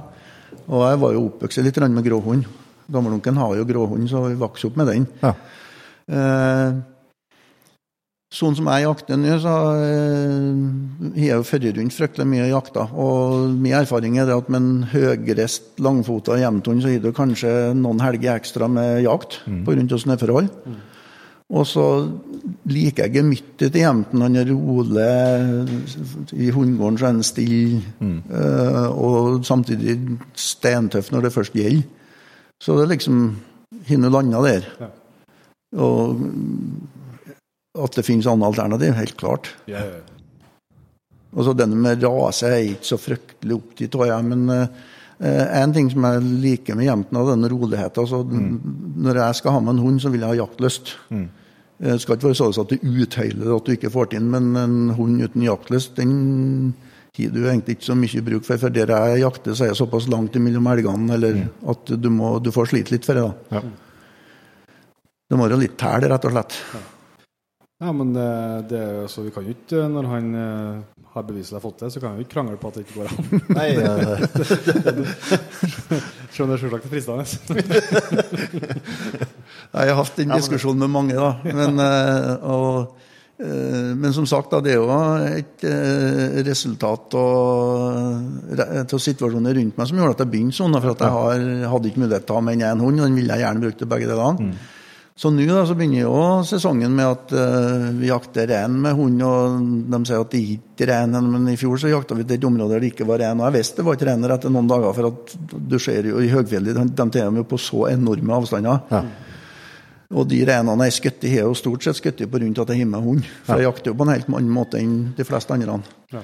Og så blir det jo elgjakt, da, og så til slutt hjortejakt. da. Mm. Det er jo litt hjortejakt innimellom ofte, men når jeg får sjansen til å bruke løshund på elg, så er jo det som er pri én. Mm. Kanskje du skal ta med jenten når du skal på reinsjakt? Ja, det, det blir i hvert fall litt annerledes jakt. det tror jeg. Nei, jeg tror ikke du skal prøve på det, men eh, jeg, jeg syns det var et veldig godt poeng der. Og det jeg tror jo for veldig mange, også selv om eh, en ikke nødvendigvis kombinere mellom elg og hjort uh, heller, men, men uh, det kan jo være i mange terreng at du har noen drev eller obraer, så i hvert fall tør det ikke egner seg å slippe noe hund uansett. At det, det kan bli så effektivt å, å kunne, å kunne bytte mellom fra dag til dag òg. Ja. Det tror jeg jo definitivt at uh, det vet jeg i Det vi jakter, i hvert fall. At jeg ser for meg noen, noen drev der som det har vært veldig bra å ha en, en velfungerende bannhund i stedet for, for løshund. Du, du, får jo utnytta det, det, beste av begge delene. Og så er jo det at Når du jakter med begge delene, så blir du flinkere til å se hva som egner seg. Ja. Jeg jakta inn i året i en god del år i lag med et lokalt lag inni der. Så var det to eldre karer fra Verdalen som var med, som ville ha med meg med hund. For de hørte at jeg var en veldig bra hund. Så jeg ble invitert til å være med, og det var jeg inne i en del år i lag med dem. Og det brukte vi ja, kanskje 30% på bannhundjakt, og resten var løshundjakt. Ja. Og han ene av dem eh, som verdalingene som var med, han hadde vært løssunddommer i mange herrens år. så da fikk vi jo diskutert hele kveldene den ja, ja. fordeler og ulemper, og hva skal vi gjøre i morgen på drevet. og ja, Det var veldig interessant og veldig lærerikt for meg. da. Ja. Nei, så tror jeg, tror jeg veldig på den, den, det du snakker om her med at uh, når du har bare én hund, og, og, man i tillegg er flink til å dressere den, at man da knytter et såpass sterkt bånd mellom, uh, mellom deg og hund, det, det tror jeg har eh, en, kanskje en stor faktor på, faktor på det. Ja, altså etter hvert som man blir eldre, når man er på 50 år, da, så innser man jo det at det er jo begrensa antall dager på en høst du får til jakt med å være pappa og jobb og en og ja. andre. Så hvis jeg har hatt to, da, mm. så har jeg blitt bare halve antall dager på skogen på hvert av Ja. Så jeg ser jo at det blir jo dager nå hjem likevel, med sykling og forskjellig for å prøve å kompensere. Ja. Så jeg er glad for de, det blir mange timer på den ene hunden. Ja, ja. Så det tror jeg kanskje han får litt sånn uh, synergi av. Mm. Veldig bra. Nei, men Det er jo interessant. Jeg tror vi skal gjøre oss uh, ta inn uh, neste gjest nå. Og si hjertelig velkommen til Gisle André Berdal. Jo, takk for det. Jeg sa navnet rett. og det var rett, det her. Helt utrolig. Det må følge med og sette på noe kryss i taket. Ja. Eh, ikke ofte jeg får til. Men eh, du eh, Gisle, du må bli litt eh, bedre kjent med deg òg i, i, starten her. Eh, kan ikke du si litt om, om deg sjøl? Ja, det er nå en tobarnsfar, 45 år. Eh, ivrig elgjeger. Jeg er litt i miljøet i Elghundklubben. Sør-Trøndelag Elghundklubb. Sitter som leder der og løshunddommer og ettersøksdommer, da, og er ganske aktiv eh, med å dømme løshunder for eh, Sør-Trøndelag. Eh, det går an bortimot ti skogsdager, kanskje. Og ja, så har nå mange arrangement som oss er aktive i òg, da. Sør-Trøndelag Elgundklubb har jo 14 aktiviteter som oss, som oss har gjennom året. Og det vil jo si at det sa i hvert fall ett for måneden, ja. ja. Eh, og da er det jo fra utstillinger til, til ettersøksdømming og samlaprøve på bannhund og løshund. Ja. Og aversjonsdressur har oss faktisk. Eh, så Eh, når jeg er, i styret der, så er han aldri arbeidsledig. Jeg tror ikke en eneste dag gjennom året at han ikke tenker elghund. Ja. Eh, samtidig som at jeg driver litt oppdrett sjøl. Vi har to grå, gråhundtisper for tida. Ja. Mm. Vi har i tispe som er jaktsjampion, som jeg har hatt fire kull på. Og det ser ut som jeg har tatt igjen en valp sjøl nå, som jeg begynte på igjen med en uh, unghund. Ja. Og det gleder jeg meg veldig mye på. da. Ja, Blir gammel til høsten unghund? Ja. Eh, hun er tispa, hun er sju år. Ja, og så fire måneder hun ja. listfrøkna. Ja. Du får begynne å være med og se litt i, i høst, da. Ja. Det blir jo for tidlig å slippe henne i år, da, for hun var født på mai. Men, eh, men, eh, preging det må hun jo starte med helt ifra, ifra de er nyfødt med stein. Ja. Så de Hvordan, hvordan starta liksom jakta opp for deg? Har du, har du bestandig vært Garve elgjeger, eller? Nei, du er jo født inn i en jeger, jegerfamilie, så jeg begynte vel å gå med hagla når jeg var seks-sju år, tror jeg. Hardt arvelig belasta? Ja, det er det. Eh, far min han er jo eh, ihuga elgjeger og har vært gjennom hele, hele, livet, og det har han jo påført også, den handikappet der. så, så har jeg Ja. Så har jeg vokst opp sammen med en gråhund. Eh, Eh, så det har vært hunder med oss hele tida. Og så har jeg og hatt litt, litt eh, hårhunder, dunker sånn jeg hadde. Ja. Og holdt på litt med småvilt òg, men uh, i voksen alder så så jeg at jeg rakk ikke på begge deler, så nå er jeg bare elgjakt og hjortejakt og rønsjakt. Ja. Litt rådyrbukk er jo i ilden akkurat nå. Ja. Hvordan har det gått? Hæ? Hvordan har det gått? Jo, dette er en bok ja. på lokk. Ja, det er bra. Ja, det er veldig artig. Det er, det er noe som jeg har begynt med i bare de siste fem åra, egentlig. Ja. En fin start på høsten. Ja, det er det. Ja. Du, liksom, du, er ikke helt i jaktmodus ennå den tiende, men, uh, men den blir fort det etter en kveld eller to ut. du har trasa det, da. Ja. Men det er jo um, det, ja, Vi må nesten gå gjennom våpenskapet ditt òg, se om det er det står noen godsaker der. Nei, det, det, er ikke så gærent mye spennende. Det, det har egentlig aldri vært noe sånn uh, våpeninteressert, kan du si, annet enn at det har hatt våpen som har fungert og, og vært bra. da. Ja. Uh, den børsa mi hun fikk jeg til konfirmasjon. Ja. og en Kongsberg-karabin. Ja. En 308.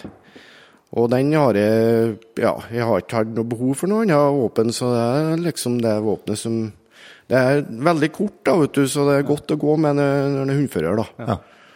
Så det er det. det og så har jeg en 9-3 som jeg arva av far min. Eh, den blir ikke brukt så mye. Nei. Annet enn når han er med til Sverige på bjørnejakt, da, da bruker den. Ja.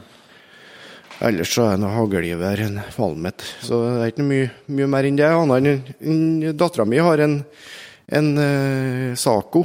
Uh, en sånn karabinsak, det òg, ja. som vi fikk, fikk til to når hun begynte å jakte. Mm.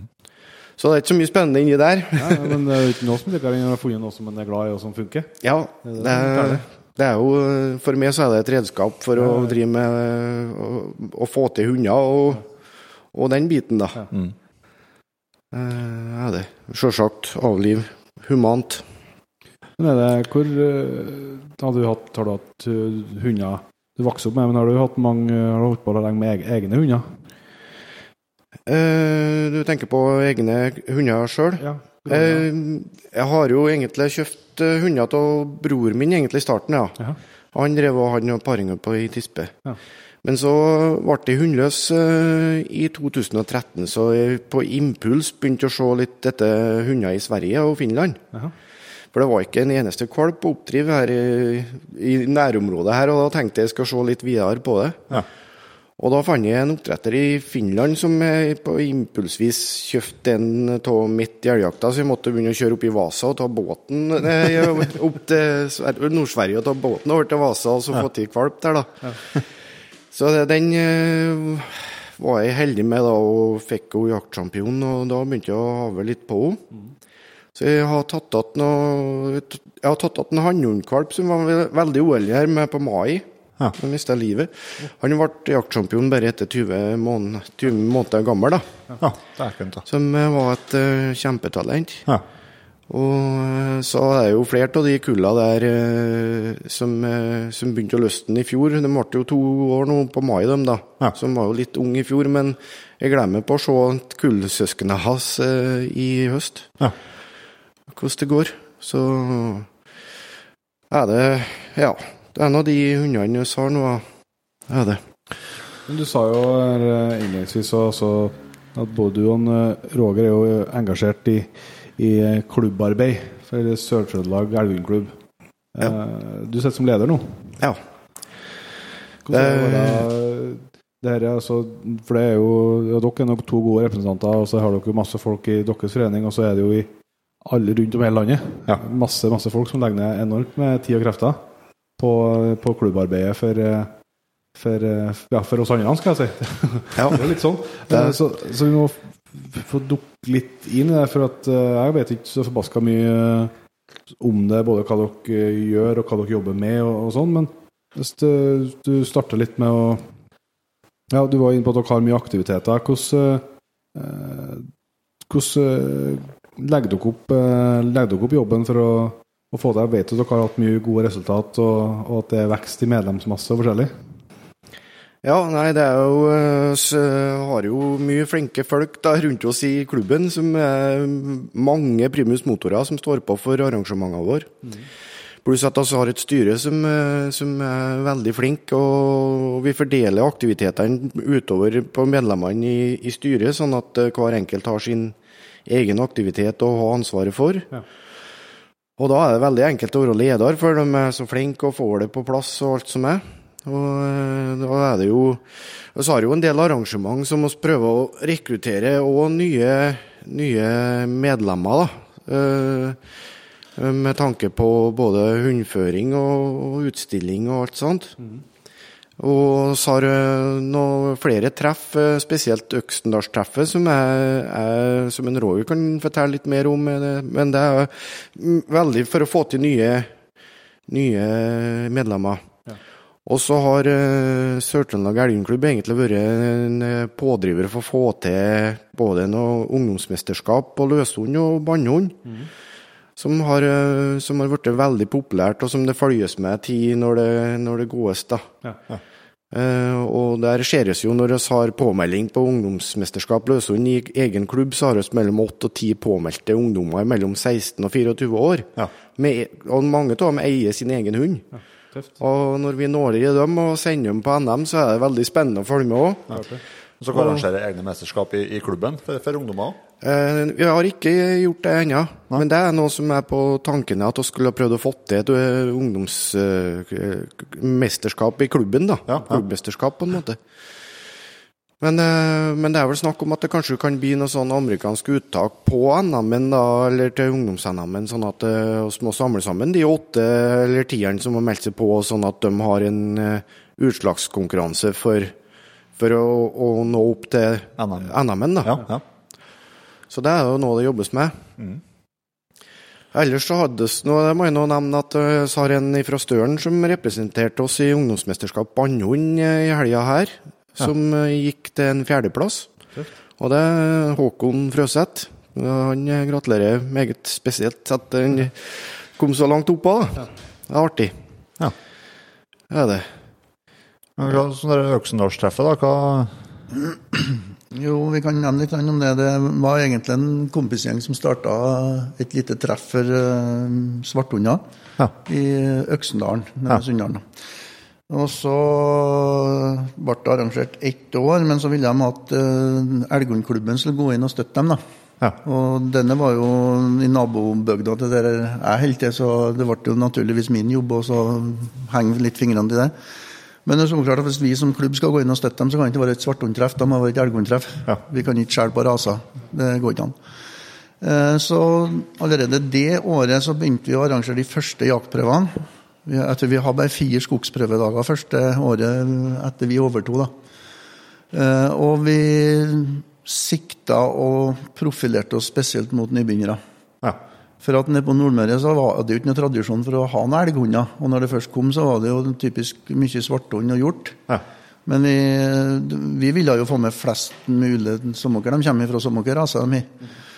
Eh, så det har vi kjørt knallhardt på at det skal være for nybegynnere. Og i år, så vidt jeg husker, så var det nesten 50 som meldte seg på. Og vi har plass til rundt 3-24 skogsdager. Og der var det vel én eller to som har gått to jaktprøver før. Ja. De andre de har gått null eller én. Ja. Og da kjører vi som en såkalt separatprøve, at vi plukker ut dem som har meldt seg på separat, for da har vi muligheten til å plukke. Hvis vi kjører som en samleprøve, mm. som folk tror kanskje det er, da har vi ikke lov til å plukke. Da er det førstemann til mølla, og så er det dem som står for championat. De kommer før de andre, også således. Ja, ja. Men den så Dere må jo forklare litt mer også, dere med separatprøve og samla prøve. Ja, en separatprøve foregår sånn at hvis du skal melde deg på en separatprøve, så du, får du en mail, og så står det at du er tildelt den og den dommeren, så tar du kontakt, og så går du på, sannsynligvis på et terreng som dommeren disponerer i løpet av en tidsperiode. Ja. Hvis du melder deg på en samlaprøve, så er det at den helga, på, hvis det er bannhund, f.eks. på årsgangerprøven, årsdagsprøven, så går vi prøver den lørdagen og søndagen, og da går du fra 20 til 40 skogsprøvedager i løpet av de dagene. Ja. Og da er det konsentrert, og da er det et eget prøvenummer for den helga. Men da er det litt andre regler for en samleprøve enn det for separatprøvene. Hvis vi kjører det som en samleprøve, så har ikke vi muligheten til å plukke ut etter de kriteriene med nybegynnere. Sånn, så det er derfor vi valgte gjort det sånn for at uh, hvis Øksendalstreffet skulle ha livets rett, men det da, så skal det være stille inn mot kun nybegynnere. Ja. Og da snakker vi ikke om at du kjøpte en ny hund og, og, og kommer på alderen min. da. Og jeg driver på med hund i 30 år. Eh, det er nybegynnere. Og da må jeg si at det er de mest givende dagene som dommer, da, for da går du mer som lærer inn som dommer ofte. Ja. Og da føler du virkelig at du utgjør en forskjell. da. Ja. Og en del de dem jo, prøver jo år etter år å få være med da, for at de syns det er så lærerikt. Ja. Så vi valgte også gjort den og i stand for å arrangere kurs rundt omkring. Da, for at i Øksendalen så klarer vi å skaffe fryktelig mye bra terreng. Ja. Og jeg har egentlig vært heldig med arrangementet. da. Ja. Og det klarte vi i år. og Selv om det var korona, så klarte vi å gjennomføre med en del tilpasninger. og jeg tror det, det fungerte kjempebra. Ja. Ja. ja, for dere med rekruttering er jo åpenbart en veldig viktig rolle som hundeklubbene rundt om uh, har. Det å få med seg nye ja, Både opp mot å få inn for, jegere til å få tak i hund, men også videre å få, få hunder på prøver og utstilling. Ja, og der tror jeg kanskje at oss elghundklubbene kunne vært litt flinkere til å lagt ut litt info for, for en ny hundeeier, mm. for at de skal få komme seg ut på prøver og, og likeens utstillinger. Så har jeg jo gjort noen noe kampanjer på, spesielt på utstilling, for utstillingene og, og påmeldingene der. Mm. Gjort det enklere, eller skrevet Bruker Facebook mye hos da i Sør-Trøndelag Elghundklubb. Og Der legger vi ut info der da, hvilken vei du skal gå da, for å melde på hunden på utstilling. da. Ja. Og det er jo eh, For det er jo Det er jo ikke å stikke under stol at det, det forgubbes jo litt i elghundklubbene rundt omkring. Mm. Så det er litt eh, viktig at vi får til de nyene og, og, og rekrutterer dem og får dem med. Ja. Eh, der må jeg nå spesielt si det at I fjor kjørte et teorikurs på løshund, og der var gjennomsnittsalderen på de nye dommerne eh, rundt 25, mellom 25 og 30 år. Ja, så bra. Og da er det viktig å følge opp dem og få dem ut og som eh, gjør ferdig utdannelser og får dem inn ja, i miljøet. Og så blir jo kanskje de noen representanter for å, å, si hvor greit det er inni dette miljøet her å verve nye folk igjen. Da. Da begynner å nå til den aldersgruppa der. Du kan jo si litt om Jeg blir nysgjerrig, eh, på når du, den dommerutdanninga. Du har jo både løs og, og, og bånd her, da. Hvordan, eh, hvordan er utdanninga? Hvordan er løpet hvis jeg tenke på å løshunddommer? Hva er det jeg må ha fått på plass først, og hva, hva er stegene? Eh, det kreves at du har gått ei jaktprøve til premiering med, med, med en hund. Det behøver ikke være egen hund, men, men, at du har gått den runden der og gått ei prøve. da og vært gjennom momenter med hunden, ja, sånn at du får litt innblikk i hva det er. Så må det være noen som anbefaler det. Okay. Uh, en annen jeger eller en annen medlem som anbefaler det til styret. Og så går oss gjennom CV-en i styret, og så sender oss det inn til NKK med anbefaling om, om utdannelse. Da. Ja. Og da tas nok inn i et teorikurs først. Og så må du gange fire eh, prøver. De to første er aspirantarbeid. Der trenger ikke hunden å gå til premiering, men at du har vært med gjennom en dag, da. Ja. Og de to siste er elevarbeid. Og Der er hun nødt til å være med dommere eller hunder som går til, til premiering, da, sånn at du har vært gjennom alle eh, momenter i, i prøven. Mm. Og der er det jo eh, eh ti moment da, som, må, eh, som må gås gjennom, da. Eh, og eh, du er nødt til å skrive sjøl òg en dommerkritikk ja. på de to siste, da, som skal òg tas opp i et dommermøte, sånn at de godkjenner det du har Sånn at det er tilnærmet nesten likt med det dommeren har skrevet. da. Ja. Så, og da, da, er det krav om at da skal det være en premiering? På. De to siste må ja. være premiering. Mm. Det. Så, det er jo sånn at vi som dommere, når vi går rundt med en håndfører, da, så er vi jo litt på jakt etter dommeremner òg.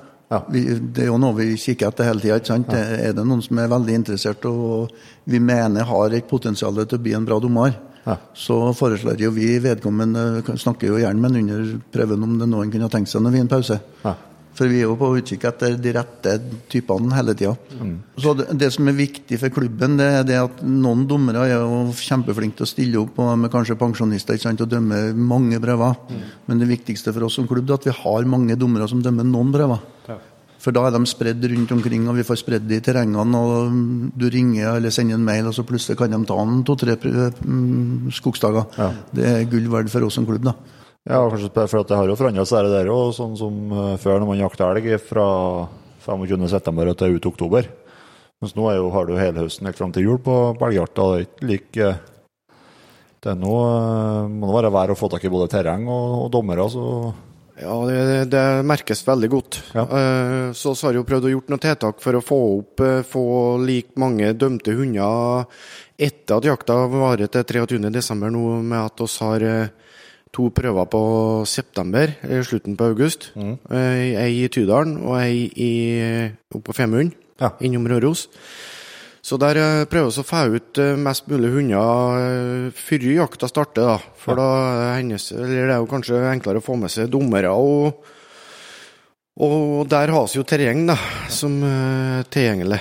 For det, når jakta starter, så er det ikke så enkelt å finne terreng der det ikke jaktes i helgene. Og det er nå som regel i helgene at dommere og hundførere kan gå. da. Mm.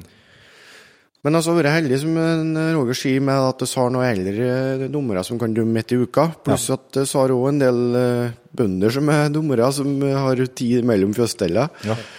Så eh, nei, altså jeg er heldig stilt, men uh, så har jeg litt for lite dommere, da. Det må vi kanskje si, da. Så det er derfor jeg prøver å rekruttere nye. nye da. Mm. Det blir jo aldri nok dommere og aldri nok terreng, nei. for det kommer jo i bolker, den påmeldingene. Ja. Og Um, alle dommerne som stiller opp, de får jo et lite vederlag, riktignok, men det er jo på frivillig basis. og ja. Hvis noen melder på og tror at vi kan forlange at vi får gå på det i terrenget og den dagen, sånn er det bare ikke. Du får tildelt en dommer, og så får han ta til takke med det den dommeren kan tilby både på tid og terreng. Mm. Du kan, kan, du stille med terreng sjøl? Du kan stille med terreng sjøl, men hvis du skal ha til en jaktsjampion, så får du, du kun én av de tellende prøvene du får gå til eget terreng. Du kan ikke gå til samme terreng og repetere og repetere der hunden vet hvor elgen står hen, og du er godt kjent. og Så enkelt ikke. Samme, samme kua? Samme kua, vet du. eh, Altså det er litt viktig. da, Det har vært en av kjepphestene mine, da, denne med rekruttering og denne med å få fram spesielt nye hundførere. Og at hundene blir stilt på jaktprøver og utstillinger. Mm. Eh, det har vært en diskusjon om hvordan vi skal få til mer jaktprøver, men det, det, gir oss ingenting at vi som driver på, går mer jaktprøver. Det, det, gevinsten er til å få dem som normalt ikke kan komme gå til jaktprøver, til å stille hundene sine. Ja. For vi andre vi har jo ferdigprøvde hunder, og dem vet vi nok om, ja. uh, egentlig. Og når det kommer nye hundførere, så er jo folk litt skeptiske og kanskje litt dårlig informasjon. Da. Det er å, å på Øksnadstreffet f.eks. så er jo denne med å demonstrere det at når de kommer dit, da, så er trekning av terreng og dommer. Ja. Eh, det er rettferdig fordi at det er i trekning. Og det er den rettferdighetsprinsippet at det blir dømt etter et reglement som faktisk er veldig bra. Mm. Og, og klarer å demonstrere det at ja, om det går skit en dag, sant, så ja, det er ikke sikkert vi finner et vilt. Og det kan være været, og det kan være hunden, og det kan være føreren. Ja.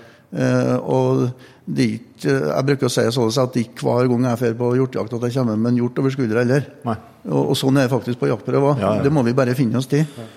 Derfor tror jeg nok eh, Uh, helt sikkert en bøyg, og, og det er jo sikkert jeg kjenner meg igjen i sjøl til en viss grad. Så at du ikke du har lyst til å lese på alle momentene, og sånn, og så lurer du på ja, altså, jeg syns jeg er ganske bra på dere, men dere går det ikke særlig. Og så setter du sånn, og så sånn, vi litt sånn uh, Syke, syke seg litt ned? Ja, eller sånn at du tenker at nei, faen, men jeg kan jo bare jakte. Altså, altså, det er noe med altså, ene er jo selvsagt uh, Man forstår jo viktigheten av å stille på prøver for, uh, for fellesskapets beste, på det med at vi stadig skal få bedre hunder og vite mer hva vi gjør i avlsarbeidet. Uh, men, nå, men det, er, altså, det, det, er jo faktisk ikke noe farlig å dra på prøve og ikke få noe premie. Ikke i hele tatt. En, på Øksendalstreffen kom en kompis til meg bare for å være der. da Han var med som observatør i fjor. Han kjøpte seg hund, og så spurte han om han meldt på. Nei, han har ikke meldt på, for han har ikke fått trena nok. Han har ikke alt inn ennå. Nei, men så sier jeg at hvis du skal vente til du har alt inn, så kommer du aldri på jaktprøve. Få til en hund og begynne å trene, og så prøver du. Ja. Det eneste du risikerer, er å lære enormt mye. Ja, ja. For at når du går rundt der, da, så får du kanskje en uh, Føler deg litt usikker, da. Og så han som går bakfor deg, det er en dommer som har 15-20-25-30 års erfaring. Mm. Du får ikke bedre lærer enn det, vet du. Nei. Og det du ikke har tort å spørre noen annen om, det kan du jo spørre han om. For at de fleste dommerne det å forandre seg voldsomt, da de er jo fryktelig villige til å lære bort. Mm. Eh, jeg er jo så gammel at når, vi, når jeg begynte å gå først i jaktprøven, så var det ofte at det gikk en bakfor deg hele dagen, og det smalt ikke ordet din. Nei. Og hvis du spurte om noe, så fikk du ikke mye svar. da. Nei. Men det heldigvis forandra seg. da. Eh, det er mye, og det er viktig, da. Ja, så er det jo, er det jo hvis du har unghunder og gjerne vil prøve å gå en prøve med en, med en sjåfør i jakta hele tatt, at de har, som løshund, at de ikke har hatt los før. Mm. Det er jo ikke noe veien for at den dagen du går prøve, at den faktisk da kommer på et nytt terreng men kanskje litt hakket snillere elg på sånn, og så plutselig så sitter jo der da med at hun har den første losen på, på da. Det er jo ikke noe i veien for det der? Nei, det er ikke noe i veien for det. Og som jeg gjort det, jeg stilte jo to år siden så stilte jeg på i Tydalsprøven.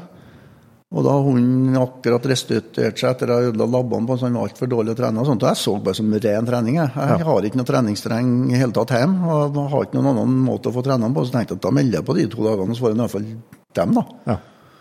Og var nå borte i helg begge dagene. og det var fryktelig mye folk i terrenget det året, for de jakta bjørn rundt oss, og det greien etter. Men uh, nu, han sprang nå noen og tyve kilometer den ene dagen og over tre mil den andre dagen, så det var jo kjempetrening. Ja.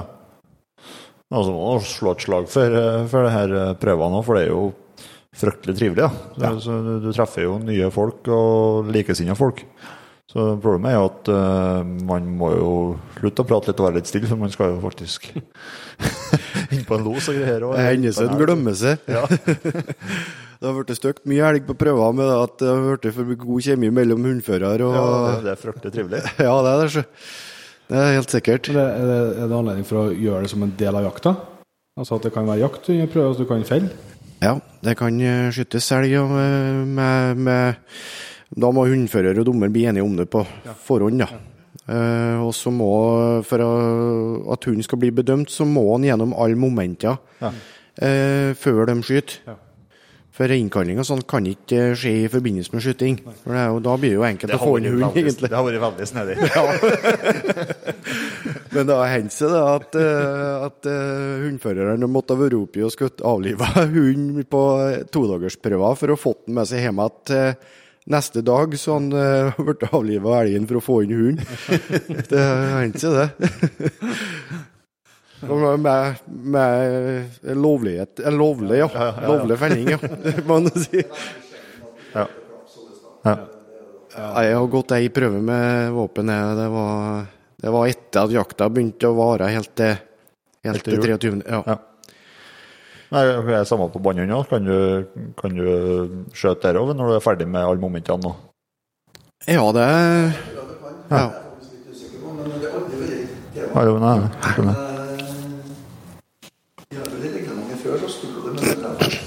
Ja. ja. Nevnte reglement.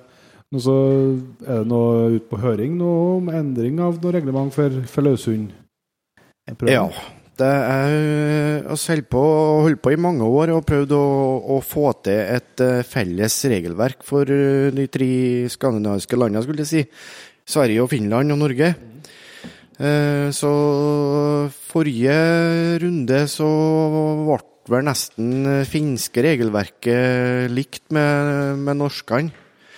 Og Nå prøves å få med svenskene litt mer inn i òg, men uh, klart at alle tre landene her har jo en formening om hvordan avlen skal foregå. og Det her instrumentet som vi kaller regelverk, uh, vil være litt annerledes i, i de andre landene. Ja. Så vi må holde på å gi og ta litt da, for ting som oss mener er viktig, i forhold til det svenskene og finnene mener er viktig. Ja. Og finnene de, uh, har jo et, um, nesten et sånn konkurranseregelverk. Der eh, kjører vi jo store konkurranser når det er løshundprøver. Det kan være et våpen til, til, premie, og det kan være en bil og store pengepremier. Så der ser vi at regelverket deres er jo veldig sånn konkurransespissa. da. Men så har jo gitt og, og, tatt litt, så har vi jo klart å komme godt overens med Finland. Mm. Svenskene har sine regler som de eh, sterkt vil eh, ha, som oss ikke tyr er så viktig for avlen. Ja, hva, det, hva det gjelder det? Det er spesielt eh, å finne elg på første søksrunden. Mm -hmm. Der eh, vil oss eh, gi eh, ni poeng hvis en finner elgen veldig langt unna. Men svenskene vil ta det ned til åtte eller sju. Men oss mener det at en hund som finner elgen på fem kilometer på første søksturen, skal ha litt poeng for at han gjorde den jobben med å fange elgen så langt unna. Ja. Mot en som bare finner elgen på 100 meter så skal ikke den poenggives så mye. Men klart, han skal ha poeng, han, for han har jo funnet elgen. Men ikke gjort samme jobben for å finne den. da. Så oss vil gjerne beholde uh, ni poeng på den første søksturen der, da, på den lengste mm. kilometeren unna. Men svenskene vil ikke, vil ikke det, da. Men det er på grunn av at de har kanskje litt mindre elg i de fleste, fleste terrenger de går jaktprøver i, ja. i forhold til Spesielt her i Soknaren. Så uh, slipper du en hund, så er det jo nesten umulig at den ikke springer seg på en elg. For det er bra elgtetthet i forhold til andre plasser. Så Derfor så vil vi prøve å beholde denne poengsummen oss da som har såpass med elg i terrenget vår. Ja. Det er vel det, kanskje det som er mest eh, diskutert nå, da. Ellers så er det ikke så mye. Nei, så det, Men det er jo en forskjell mellom Norge og Sverige med de to dagers uh ja, det er vel noe som kommer opp og til neste RS, tenker jeg. Det, det der å på å vedta sånne ting, da. Eh, at uh, svenskene vil ikke ha den todagsen, og ikke finne den heller. Nei. Men svenskene vil jo gjerne hit og gå todags. Ja. For de uh, ser jo på todagsprøver som en, en et ja. ja, det er egentlig det. Mm. Og det var jo i siste runden så mistes jo det med championatreglene at, eh, at ene prøver måtte gås i sånn samlaprøve, som en Roger holdt på å forklare her. Det er ikke krav til lenger. Før så måtte ene prøver gås i, i ei samla For det er jo mer utfordring å få dem gjennom der, da, i og med at du må trekke terreng, trekke dommere og alt det der. Ja. Uh, men uh, hvis så, så i hvert fall som jeg mener, hvis at du skal ta bort todagsprøver for å komme i, sammen med svenskene og finnene, så, så vil jeg gjerne at det skal gå tilbake til at den ene endagsprøven må gås på en samlaprøve. Ja. Hvis ikke så blir det veldig enkelt å få gjennom hundene. Eh, eh, det må jo være litt utfordring for å få en champion. Mm. Det skal ikke være sjampioner alle hundene. Det må være en plass der vi skjøler ut hveten for Ginten, eller mm. Ja, sånn, og, alt det der er jo faktorer som går inn på at vi hele tida vil avle på best mulig hunder. Ja, det er det òg. Og så er vi et annen aspekt, og det det at eh, samleprøvene der eh, avsluttes jo med dommermøter hver dag. Der vi mm. går gjennom alle kritikkene, og eh, eh, premiering blir fastsatt. Da. Ja. Og da får vi alle de dommerne som er med der, får være med på dommermøtene. Ja. På separatprøver, som blir resultatet hvis det ikke blir noen samleprøver, der Eh, du kjører ikke 35 mil for å være med på et dommermøte. Det, så, så, det blir veldig få dommere som blir med. Det er nok dommere til at vi formelt sett er i orden, og at vi går gjennom helt seriøst på samme måten. Ja, ja. Men det er veldig lærerikt for dommerne å være på det, eh, på det dommermøtene. Og det er dommermøtene, deltakelser på dem, som gjør at vi dømmer så likt som mulig. da. Mm. For da min, det jeg har dømt, da det blir opplest, og så hvis ikke de er enig i det, da, så blir det en diskusjon rundt det. Da er det jeg som har vært for snill eller for streng, eller ikke sant. Så, så at vi, vi, samler oss om Legges litt praksis, liksom. Ja, så at vi, vi dømmer så likt som overhodet mulig. Mm. For den er jo en utfordring, selvfølgelig, at det finnes ikke to dager på skogen som er like, det finnes ikke to elger som er like, og det finnes ikke to hunder som er like, men vi skal jo fortsatt dømme så likt som overhodet mulig. Ja. Der uh, kjøres noe artig. Så har, kjører noen sånn klubbkamp med svenskene, eller uh, Jamtland Herjedalen Elgenklubb, og Nord-Trøndelag og Østerdalen. Ja. Uh, og da kjørte oss åpent uh, dommermøte, sånn at svenskene og Eller vi tenkte jo på at svenskene måtte være med inn og høre på oss, da. Men hundeførerne òg fikk være med i dommermøtet. Det, det skulle vært mer og mer åpna, sånn at uh, hundføreren får være med inn og høre hva de diskuterer for noe, hva hunden gjorde rett og hva han gjorde galt. For det er veldig lærerikt, da. Ja. Altså, det, det, er fryktelig lærerikt. Eh, jeg var også heldig at jeg fikk være med på et sånt møte ikke så lenge at jeg begynte å gå og prøve, Og lærte fryktelig mye av det. Men noe av det viktigste er at da skjønner alle at det ligger, en, det ligger, et apparat bakom som faktisk vurderer. Det er ikke bare en dommer som går rundt og sier hva han mener. Det er faktisk et regelverk det blir dømt etter. Og det han mener, blir faktisk gjennomgått av dommerkollegiet, som har muligheten til faktisk å gjøre om på det han har dømt på. Ja. Det, hvis jeg, de mener at jeg har dømt feil, så, så blir det gjort om på. Ja. Mm. Det er derfor det er så viktig å beskrive hendelsesforløpet ja. i, i, kritikken. For da, det, da, skjønner andre dommerne hva situasjonen har vært. Hvis de mener at jeg har dømt feil, da, så ja, men da burde du kanskje ha dømt annerledes. Det er viktig med avstander og klokkeslett når en dømmer løshund, i hvert fall. Ja. Og så at du klarer å beskrive situasjonen sånn at hvis du mener han fortjener en førstepremie, eller du mener han ikke eh, fortjener så at du har beskrevet det sånn at de andre faktisk skjønner hvorfor. Mm. Ja, så men Du snakker om her todagers og ikke. Også. Så det må altså I, i bunnen så, så jeg skjønner at det er også viktige diskusjoner. Men eh, det må være altså, både for avlen og for alle enda viktigere at, eh, at man får enda flere til å stille på den første prøven, enn at du eh, Om det blir enklere eller vanskeligere å få til et champion, altså enda viktigere for totalen at mest mulig hunder blir prøvd. sånn det er, jo, det er, jo, der vi har potensialet til å bli mye bedre. at Har vi fått ut dobbelt så mange hunder på prøve, ja. så har vi hatt et dobbelt så stort materiale å velge ut ifra. Ja. Vet, vet dere noe liksom, Kanskje ikke ført, ordentlig statistikk på, men vet jo liksom, hvor, mange hunder som, som blir født i året, hvor, hvor mange av dem som stilles på prøve etter, f.eks. etter tre år? da? Det finnes eh, avlsrådene på hver enkelt rase ute i denne hvert år. Okay. En sånn statistikk. Nå kommer ikke jeg i haugen, i haugen, i, Nei, i haugen det, det, men, men, det går an å finne. Mm. Og der har det vært i viss utvikling at det er flere og flere som blir prøvd, men fortsatt så er det for lite forskjell som sier at det er avgjørende. Vi skulle fått ut enda mange flere. Og som du sier, at om de går um, bare de går så mange prøver at vi, vi har en viss statistikk på dem. Men de må alle glemme da, at når du sitter og ser at eh, ja, han har gått to prøver, og den ene dagen fikk han en tredjepremie, og andre dagen så var det null, ikke sant, fant ikke elg. Men det er ikke dermed sagt at det er en dårlig hund. Det eh, kan jo hende at den faktisk ikke var elg til det ene terrenget, ikke sant, til at den var uheldig, akkurat som på jakt. Han må gå en del prøver for at vi, vi, vi, kan si noe med rimelig sikkerhet. da. Mm. Så Derfor er det så viktig å få fram gode statistikker. Mm. Og der Eh, det har vært mye snakk om siste årene og den med tidlig jaktlyst. Det er noe som kommer fra Finland, for at de avler jo steinhardt. De har jo et program på gjemt for en del år siden. Eh, jeg for min er ikke opp, spesielt opptatt av tidlig jaktlyst i hele tatt. For om man vakner når man er ett år, om man vakner når man er to år, det spiller ingen rolle. Hun skal nå love en ti-tolv år. Ja.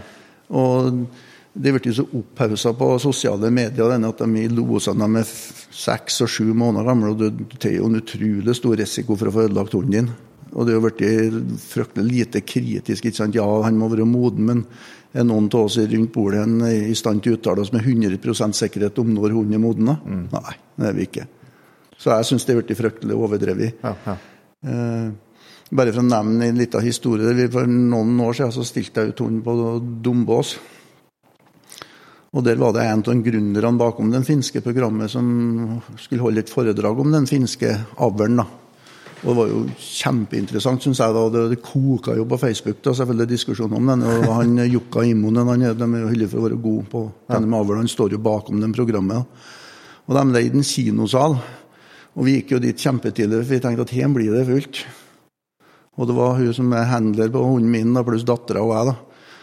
Og det var vi treene pluss kanskje ti stykker. Ja. Og ingen som var så interessert at de kom når det faktisk var en som kunne om det, som men det koka jo på Facebook-diskusjonene akkurat likeens. Ja. og han snakka jo fryktelig dårlig svensk, da, men jeg spurte om denne med tidlig jaktlyst. Hvorfor er det så forferdelig viktig? da? Ja. Nei, det er ikke viktig i det hele tatt. det er sånn. Nei. Men det er en av de få tingene vi klarer å måle. Ganske så sikkert. Og problemet er jo den målbarheten, ikke sant? og klare å regne ut arbeidbarheten, Så det måtte de ha med, for det klarte de faktisk å måle. Mm. Og de som har jaktlyst, de har jo nemlig tre eller fire, og sånn, så da, da visste de jo at de har jaktlyst. da. Mm. Så han mente at det, hadde de drevet den knallharde avlen, så hadde de ikke tatt sjansen på å slippe dem så tidlig som de gjorde. Det var jo bare for å nå det målet så fort som overhodet mulig. Mm. Så han sa jo eksplisitt det at ikke slipp før du er rimelig sikker på at den er moden. Mm. Så den eh, Mye av de diskusjonene som foregår på sosiale medier, da, de må han virkelig ta med en klype. Det er mange der som skulle ha sett seg ned og tenkt seg om, i stedet for å gripe til tastaturet, tror jeg. Jeg tror ikke det er helt unikt. Men hvis vi, hvis vi dreier oss litt mer mot, uh, mot klubbarbeid, og sånn, uh, hvilke fordeler har man med å være med hvis man er, er hundeeier og være med i en sånn lokal, lokalklubb? Jeg kan ta et eksempel. En av de eh, dommerne som jeg gikk med med den forrige hunden. Ja. Han eh, ga meg jo noen hint og noen tips, og det gikk jo fryktelig godt under prøven. Hunden var jo i kanonform, og det gikk kjempebra. Men han var jo sånn at hvis jeg har problem senere, så ringte jeg jo han og spurte om råd. da. Ja. For det, det, var jo ja. På mange måter så har jeg jo gått med en lærer. ikke sant? Han var jo gammel da og har enormt erfaring. da. Ja. Og når noen innbyr til det Og jeg er jo sånn at jeg har jo ganske mange telefoner i løpet av året der folk jeg har dømt, ringer og spør om råd. Ja. Og Det er jo noe du får gjennom klubben. De trenger ikke å stå i search en dag, men eh, de står jo i en elgkornklubb og er midt på en jaktprøve. Ja. Og da prøver vi å være ressurspersoner så langt, strekke oss så langt vi kan. Det er jo rekruttering, det beste rekrutteringa vi kan ha. Ja, mm. Og så ikke minst alle aktivitetene vi har òg. Som du får både klubbrabatt på når du står som medlem, og, og ikke minst alle de aktivitetene der du Eh, lærer mye. Vi har jo ettersøkskurs for nybegynnere. Jeg har kjørt to av i sommer. Ja. Og likeens bannhundkurs hennes har, og løshundkurs. Og det er ting som du kan suge til deg erfaring med og, ja. og, være med på. da. Ja. Og spesielt det med samleprøvene. Da treffer du jo noen som er Du treffer jo en god del folk som er på akkurat samme nivå som deg sjøl. Når du kommer dit og er nervøs, så en tredjedel av andre er minst like nervøse som du er. De vet like lite, dem. Og da knytter du noen kontakter, og det tar og spør, og det blir diskusjoner. Og dem holder du ofte litt kontakt med etterpå. Ja. Så for min del, altså de samleprøvene og møte på dem, de var verdifulle. og det var, når jeg gikk separatprøver, så flere av dommerne så holdt jeg litt kontakt med etterpå. Hvis jeg har et eller annet jeg lurer på, så spør de bare, for at de har jo mye mye mer erfaring enn jeg hadde den gangen. Ja. Men hvordan forhold er det ikke Hva som er liksom sammenhengen mellom en, en lokalklubb og, og forbundet? Elgundforbundet, eller? Det er jo Forbundet er jo eh, øverste organ over alle klubbene, så det er jo et styre som er valgt inn eh, som eh, alle områdeklubbene på er det 21 klubber til sammen, tror jeg? Rundt 20 i hvert fall. Vi er 20, ja. Og da er det liksom et hovedstyre over klubbene, ja, ja. som jobber både for ja, sånn som regelverket nå, at det skal forandres. Ja.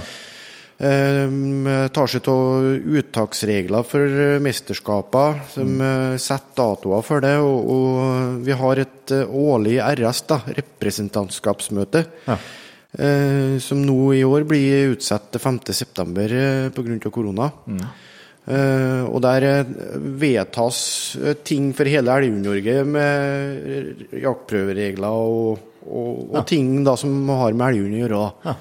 Vi kan nevne det at RS da, det er det øverste organet. Ja. Det er der det blir vedtatt nye regler, endringer, og valgene foretas.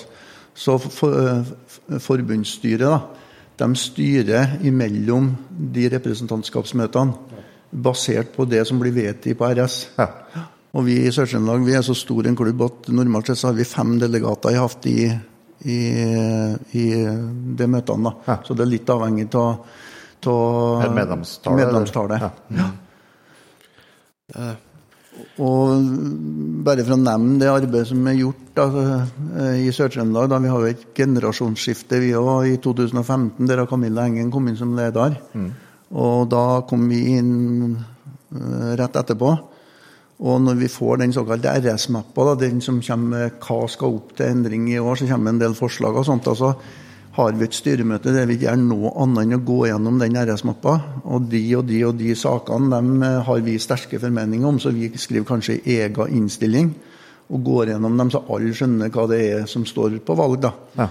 Og da stemmer egentlig alle fem fra Sør-Trøndelag, hvis vi er fem, da, de stemmer det samme for at vi er enige om hva vi skal stemme. Ja. Og likeens når det kommer nye regler til høring, da sitter til den såkalte Bannhundkomiteen i Sør-Trøndelag. Da, da, tar vi oss et møte og så går vi gjennom de endringene. Ja. Og så skriver vi i innstillingen hva vi mener. Og det blir innspilt til RS. da. Ja. Ja. Så det, det, ligger en god del arbeid bakom. da. Mm. Hvordan kommer NKK inn i den de er pyramiden? da? Oppå der at de, da. De driver jo eh, Elghundforbundet og Horrehund Forbundet, jeg vet ikke hva de heter, dem, ja, men og, og, og fuglehunder og alt det der er under at NKK. Så. NKK er jo på toppen på alle hunderaser, ikke bare jakthunder heller. Mm. Så de eh, jobber ifra det som er bestemt på RS-en. Altså forbundsstyret jobber opp mot NKK da, for å gjøre om eh, diverse regler og sånne ting. da. Så spørs det om de går med på det, for NKK er jo eh, øverste organ da, som kan ja som kan si ja eller nei. da. Ja. Og vi som dommere, da, vi, er jo, vi, er jo, vi går for dømme for NKK. Vi dømmer ikke for Sør-Trøndelag Elgundklubb, selv om vi står i klubben. Ja. Eh, registeret for dommere, det står i NKK. Ja, og når Anja Peder skal inn og melde på prøver eller utstilling, eller hva det er, så melder, er vi jo inn på NKK melder på. Ja, ja, det var for å få et felles, uh, felles system for påmelding. Ja. ja. Uh, for å gjøre det enkelt, men uh, vet ikke, nødvendigvis og kanskje ikke oppleves som så mye enklere for den enkelte. For det, litt, det kan være litt uh, Du må være litt vant til det. Mm. Uh, og det er kanskje, som ble nevnt tidligere, at det skulle vært en slags veileder eller et eller annet. Mm. Ja, for det, du, Petter ja, ja, så er det kjent, kjent bare definitivt Altså at når jeg har kommet borti de sidene der, så, så føler jeg meg helt fremmed, ja. Jeg vet ikke helt hva jeg skal trykke og hva som er rett og sånn, men samtidig må jeg jo skjøte inn det at når jeg da har tatt kontakt med folk i klubben for å få hjelp, så har jeg ikke fått det, altså. Så det er jo absolutt ikke noe Jeg er absolutt ikke som noe vond vilje på noe vis, eller noe sånt. Hvis du skal melde på og finne ut du skal gå i Sør-Trøndelag f.eks., og så får du problemer med det altså på Sør-Trøndelags Elghundklubb klubb sine sider, da. Så hvis du skal melde på på Bannhund, så står bl.a. navnet mitt da, med telefonnummer, så at du kan ringe og få hjelp da, som ja. sånn kontaktperson. Og det, vi har ganske mange samtaler for året da, med folk som sliter litt med påmelding. og uh, Kanskje aldri har meldt på før heller, som er litt usikre på. Ja, Det er jo bare med forskjellen på samla-prøve og, og, og separatprøve. Ja.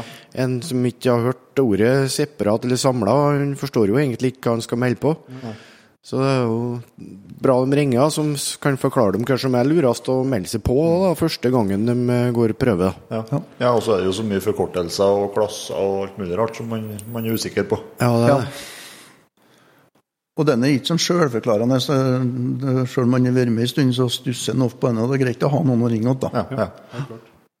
Men det er noe litt fint da, at hvis du er med på noen samleprøver gått noen jaktprøver, så treffer du ofte som jeg sa, noen som er på samme nivå som deg sjøl. Så da går det an å prøve å diskutere litt med dem, og noen det ikke du kan, kan kanskje dem, så at en hjelper hverandre litt. Da. Ja. Mm. Både når det gjelder påmelding og hunder, og hvordan litt eh, tanker rundt det med jaktprøver. Det er noe greit å få diskutert det litt. Da. Ja. De fleste av oss er rimelig nervøse når vi møter første gangen. Sjøl om det ikke er noen grunn til det. Ja, ja, ja. Nei, men jeg syns at dette har vært veldig lærerikt uh, for min del. Fått litt mer innblikk i, i hva hundeklubber gjør, og hvordan det jobbes, og hvordan aktiviteter Og ikke minst uh, bare å ta av seg capsen for, uh, for, den jobben som legges ned på frivillig basis da, av dere, men også av masse, masse, masse hundfolk rundt om i hele landet. Det er jo det som vi starta med, det er jo på vegne av, av oss alle som er glad i jakthundene våre. Jobbene gjøres. Så det kommer, kommer en oppfordring før vi går inn for landing her og skal litt om litt sånn faste greier, så må jeg jo si det altså at uh, uh, hvis man hører på har en jakthund, det å sjekke ut lokalklubben sin og, og ta kontakt og se hvordan mulighetene er, og vurdere et medlemskap, det syns jeg nå er, er vel verdt det. Og jeg tror de aller fleste vil få gode opplevelser med å gjøre det. Enten om du vurderer å stille på prøve eller ikke, eller hvordan det skal være, så, så er det jo i hvert fall det finnes miljø i hele landet. Altså, Det er jo veldig lærerikt. Bare, bare det å gå jaktprøve eller på utstilling, så du lærer jo noe for å si, bare for min egen del. Jeg har jo aldri vært den hundføreren jeg er i dag hvis jeg ikke har gått jaktprøve. Nei.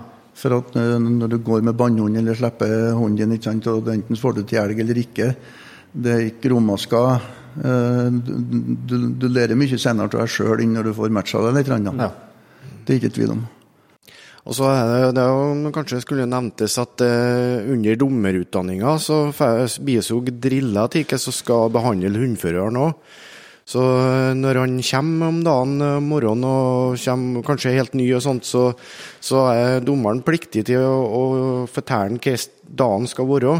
Ja. Hvem som eh, bestemmer til enhver tid, om det er hundeeieren som, som, bestemmer, eller om det er dommeren som bestemmer. Mm.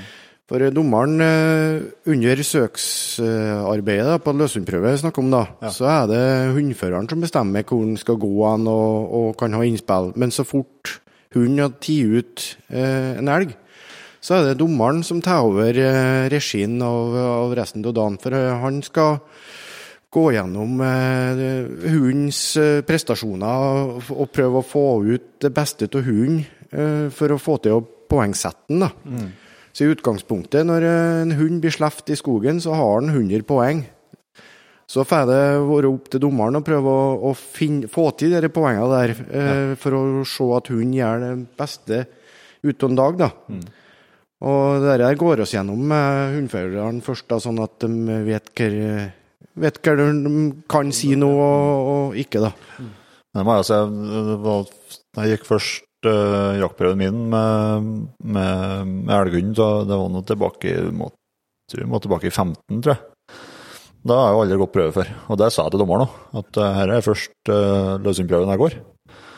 Og, så du må For jeg spole det, da måtte han gjerne fortelle meg hva jeg skal gjøre for å, for å få vist hunden best mulig fram. da. Og det funka kjempebra, altså. For at han, han la jo til rette for at jeg skulle få best mulig poeng, men han liksom hjalp meg til å ja, Å få de poengene, eller? Ja, så, få... ja, nå kan jeg kanskje prøve å kalle inn, og så, så vi får innkallinga på plass. og så Nå kan du stykke litt. og så Nå er jeg ferdig med mest og mangler poenglete. Så sa jeg nå går du inn og så stykker du ordentlig, så vi får poengligheter. Det endte jo det med at jeg ble sittende på Verdalen til klokka tolv om natta. Fikk noen poengligheter, i hvert fall. Ja. Ja, for det er oppgaven at dommeren å få til det beste til hunden. Ja. Det er det. Så uh, utgangspunktet, som jeg sa, det, han har 100 poeng når han går att marsken med en hund. Og så får dommeren prøve å få, få på hunden de poengene som, som mest mulig. da. Mm. Men den er en smart taktikk, da. Mm. Uh, jeg gikk jo en løshåndprøve i januar. og selv om jeg ikke er noen nybegynner, så sa jeg til dommeren at hvis du ser noe som du ville gjort annerledes, så gjerne gi meg et tips. da. For uh, dommerne er nå både kjent i terrengene sine og mm. har mye erfaring. Og da, uh, da risikerer en ikke at du går glipp av at du gjør noe som dommeren ikke ville gjort. i hvert fall. Pluss at da får du ofte en liten dialog i løpet av dagen, ikke sant? Ja. sånn at du får et hint om at du mangler påhengeligheter. ikke sant? Uh, for at i kampens hete så kan en selv om at en er ganske dreven, så kan en fort glemme noe. Ja. ja, spesielt så begynner det å gå godt. Nei, men Veldig bra. Vi eh, har jo noen sånne eh, faste spørsmål som uh, ingen gjester slipper unna, og ikke dere heller. Jeg tror vi bare starter med, starter med den, tror du ikke? Vi starter med toppen. Da kan jo du, Roger, få starte. Det er, det er jaktutstyr det går på først. her. Hva er det av utstyret som du har blitt glad til, som du kan tipse videre om? Uh, der, hvis vi har litt tid, så kunne jeg tenke meg å ha gjort den litt todelt. Ja, det er Når det gjelder jaktutstyr, for meg som er litt godt godt inn altså Når vi fikk Garmin, det var jo, det var jo en heldig dag. Begynte jo med 220-en, og nå er jeg jo selvfølgelig 320-en. ikke sant? Og det, det, er jo, det, er jo, som å komme til himmelen. Mm. Men eh, eh, jeg ødela ryggen min for en 10-15 års tid siden, og da oppdaga jeg at å gå på løshundjakt, da så var ryggsekken for tung. Ja. Og Attpåtil så jakter jeg etter sånt terreng, og det gjør jeg delvis ennå. Når jeg går ut om morgenen, så hiver jeg med meg utstyr så jeg kan være ute en natt. Ja. Så da tok jeg en runde og gikk gjennom sekken hva er nødvendig å ha med, og hva er ikke nødvendig å ha med. Det er det viktigste. Og så begynte jeg å bytte ut ting til ting som var lettere, men det må være bra nok. Så i den forbindelse blant annet så kom jeg fram en Swarovski 10 ganger 32, en sånn EL-sak. Mm. Så var forskjellen for før så hadde han lett kikkert når jeg gikk med som hundfører, og så hadde han tung en jeg jakta hjort. Ja. Men den er så god og så lett at den er med overalt. Og så begynte jeg å jakte med rein igjen, og da tok jeg sommer på reinsjakta, for der må du jo ha med deg alt når du drar til fjells. Og der også var det en del sånn aha-opplevelser. Blant annet så ble det en ny ryggsekk fra Stong Glacier som veier så vidt over to kilo. Ja. Halve vekta i forhold til Recon-packen. Og det siste jeg gjorde, var at jeg bytta ut et vanlig helsporttelt, tremannstelt, til en sånn Superlight-serie, akkurat ja. like stort. Og gikk ned fra 3,8 kilo til 2,2. Ja. Og bare den reisa med å tenke gjennom alt det det kan være noe å tenke på for flere. Ja. ja og Det er litt inntrykk av de dem som virkelig blir ivrige på gramjaget, så blir jo nesten en del av hobbyen, det. ja, men uh, det er kanskje litt uh, det at en begynner å få litt erfaring etter hvert, da. Uh, bare for å ta et eksempel, da. Eh, rettrekker, Alle må jo ha en rettrekker i dag for å få opp farten på skjøtinga. Ja, eh, jeg har skutt mye med rettrekker, men eh, fortsatt med bolt så har jeg alltid klart å lade om før jeg får skuddbildet greit i kikkerten igjen. Ja. så, så han måtte konsentrere seg om det viktigste. Og liksom når det gjelder den gramjakta også, Eh, du må komme ned på et nivå som du bestemmer deg for. Mm. Og som for løshund opp meg, altså, Jeg har jo brukt vårensjekken i mange år, og den er fryktelig tung i seg sjøl. Mm. Ja, da måtte noe annet ut. For at det ble så tungt til slutt at det var ikke noe trivelig å gå. Nei. Og den har du på deg fra, for min del da, fra slutten på september til jul. Mm. så eh, opp meg så er denne med eh, utstyr, da det, Jeg er glad i gammelt utstyr som virker, hvis det bare er bra. Ja. Og litt derfor har jeg gått tilbake til 1,5-6,42 i kikkertsjekta. for at ja. det er fullgodt for 90% av den jakta jeg driver. Ja. Og for den siste 10 så er det så spesielt at da har jeg helt annet spesialisert utstyr. Ja, ja. Men eh, du da, Gisle? Har du noe jaktutstyr du vil eh, fremheve? Eh, ja, jeg har sikkert flere ting òg, men jeg har en eh, jeg har en historie rundt det produktet òg. Eh, mor mi spurte om hun ikke kunne kjøpe en dress til meg. For hun, eh, hun tykte ikke jeg hadde noen fin dress. Ja, da ville jeg bestemme hvilken dress du skal kjøpe seg. hun skulle legge til litt, hadde hun tenkt. Ja. Og da ble det en Herkila, den mushunteren. Ja. Og det er kanskje den likeste jaktdressen jeg har hatt. Men sånn som med oss òg, så har det ikke vært så Eh, jag på fått i dyre, dyre ting. Så han har faktisk sittet på post i olabuks eh, mange ganger før jeg fikk inn dressen her. så, og det er jo en dress som jeg bruker mye mer enn bare jul og påsk og, og i konfirmasjoner. Der, her, da, så jeg har mer behov for den her, som vi bruker kanskje 100 over i året. Så det var den, den er ja, Så det skal jeg komme på hvis jeg får tilbud om noen ny dress, ja. så takk til henne for den. Ja. og så lurer jeg på beste jakttipset. da. Det har jo kommet ganske mye tips i løpet av praten her i, i mange retning, men uh, hvis vi skal oppsummere det i et jakttips? Jeg jeg for min del har jobba mye utenlands. så jeg, så, jeg har ikke fått jakta mye utenlands, men jeg er så heldig at jeg har fått prøvd en del jakt utenlands. Da. Og da fanger en opp forskjellige måter å gjøre ting på. Mm. Jeg blant annet vært oppe i Mount Saint Helene og jakta både elk og dyr. og Jeg har vært i Minnesota og jakta helk og dyr. og Jeg har vært i Texas og jeg har fått jakta villsvin. og Jeg har vært litt inne i Sverige på både bjørnejakt og elgjakt. da. Eh, men uh, uansett så konsentrerer seg mye om når jeg tenker på det, så blir det hundjakta som blir fokuset. Ja. På all annen jakt så er det mye det med å bruke kikkerten og, mm. Men det som jeg kommer fram til som jakttips, da, selvfølgelig denne med vind og alt, det, det, det, det er sjølsagt. Men ta det med ro og la hunden gjøre jobben sin. Ja. Ikke for å renne etter hunden for å sjekke. og vi, det, vi, det, er litt farlig med den GPS-en i dag. Uh, hunden gjør best jobb hvis vi holder oss litt unna. Mm. Og så heller være klar til å suse i vei når, det først, uh, når du skal. Mm. ta seg tida til Og selv om du syns det går litt trått en dag, ja, så går det trått, da. Da må jeg gå trått nå også, så ta seg tida. Blitt flinkere til det ettersom man fikk litt mer erfaring. Det er fortsatt akkurat likhet når det først skjer noe. Det er ikke akkurat da blir han uh, 17 opp i hodet igjen. Men uh, denne med å, å, å prøve å utnytte hunden for det han er verdt, da. Ja. Men du, Gisle? Ja, jeg, jeg, hadde jo klart, men jeg har glemt det. Men uh, jeg må være enig med en, uh, Roger òg, at uh, kanskje at stress det hører ikke med på jakt, egentlig. Den skal være lugn.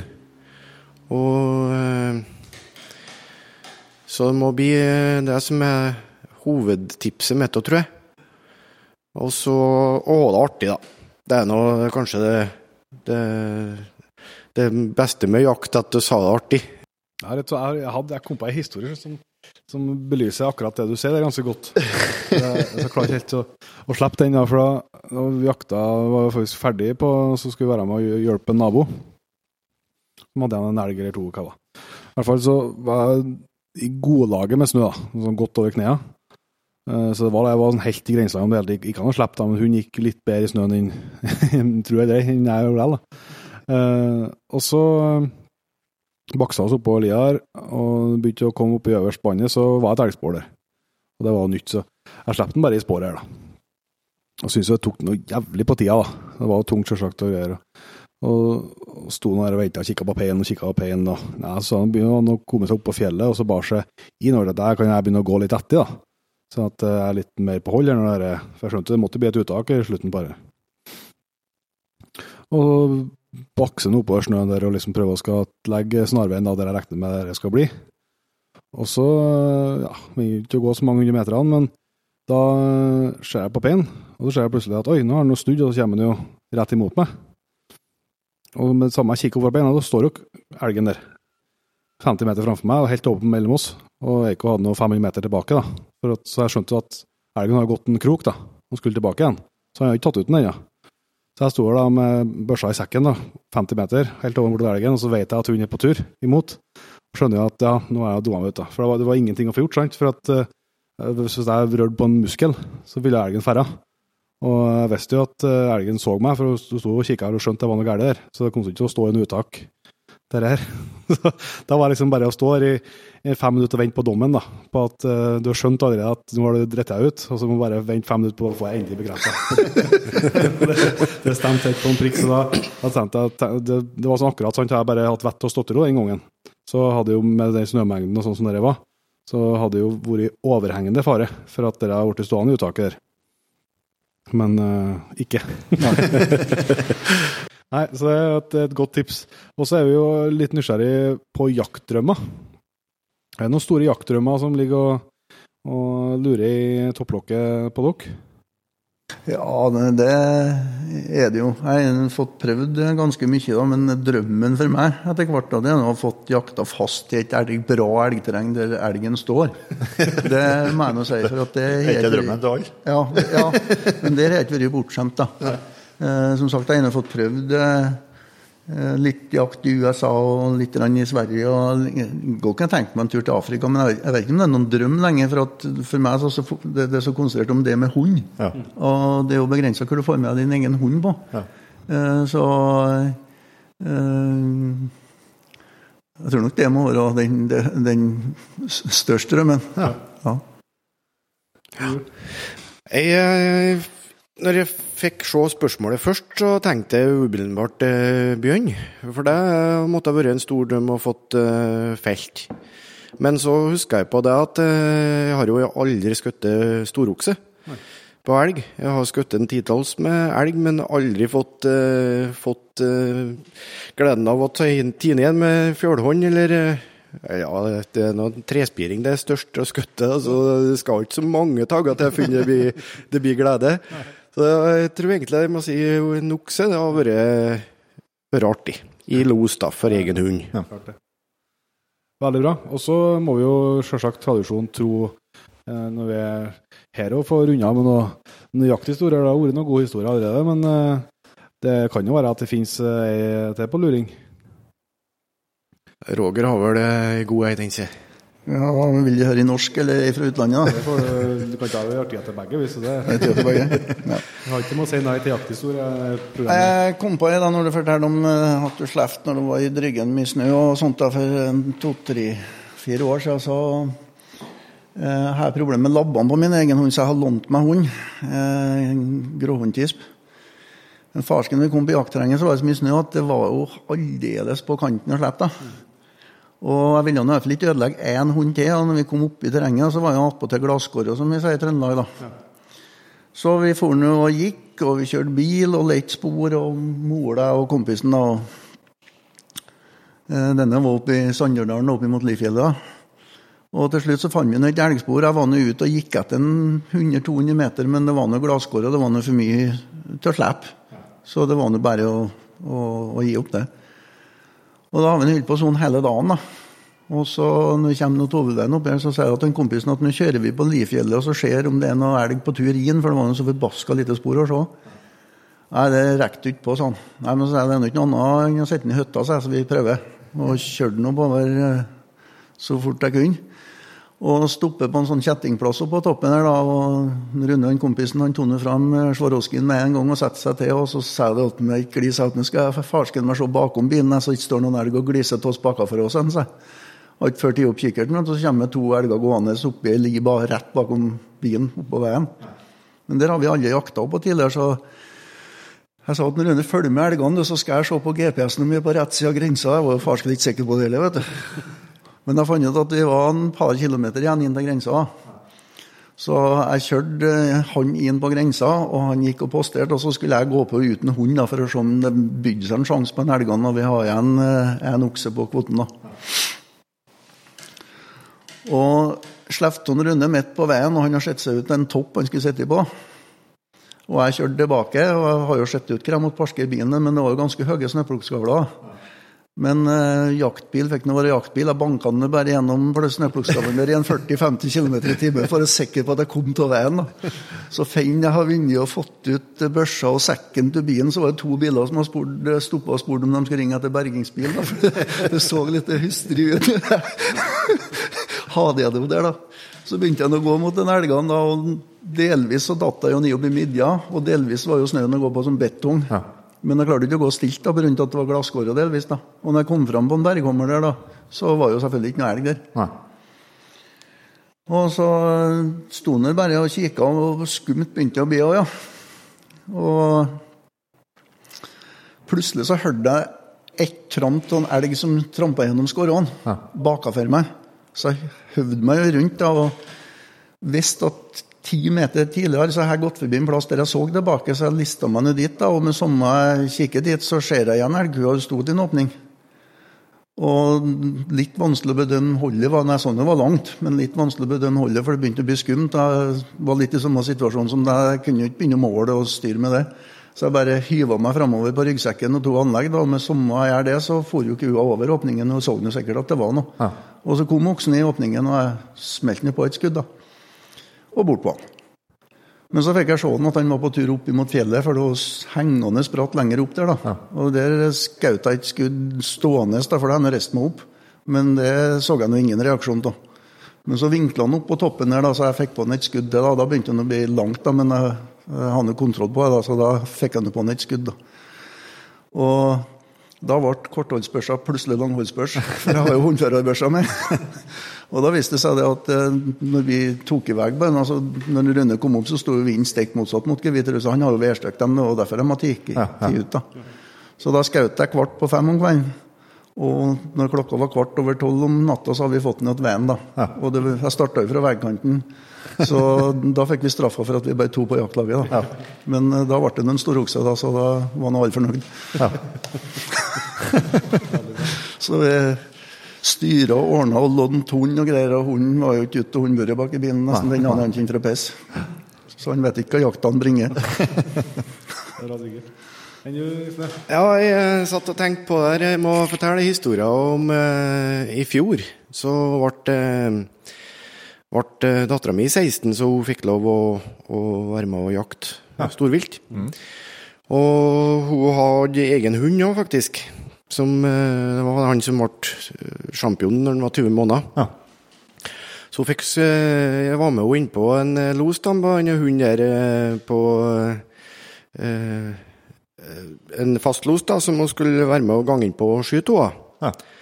Og det klaffa til, så fikk los på ku og kalv, og, og kalven var skytbar. Så Strømda gikk inn på hjertet til faren. Det holdt på å spratte ut halsen. Så gikk inn på Bendråka, så lugn og rolig. Og, så du må ikke skyte noe sier før du har skikkelig tak, og jeg sier at det er klart. Så ikke hun var bak, eller et eller annet sånt. da. Nei, hun hadde det klart. Hun vet du, la seg ned og skjøt på elgen før jeg vann og si noe. Hun hadde jo full kontroll. Ja.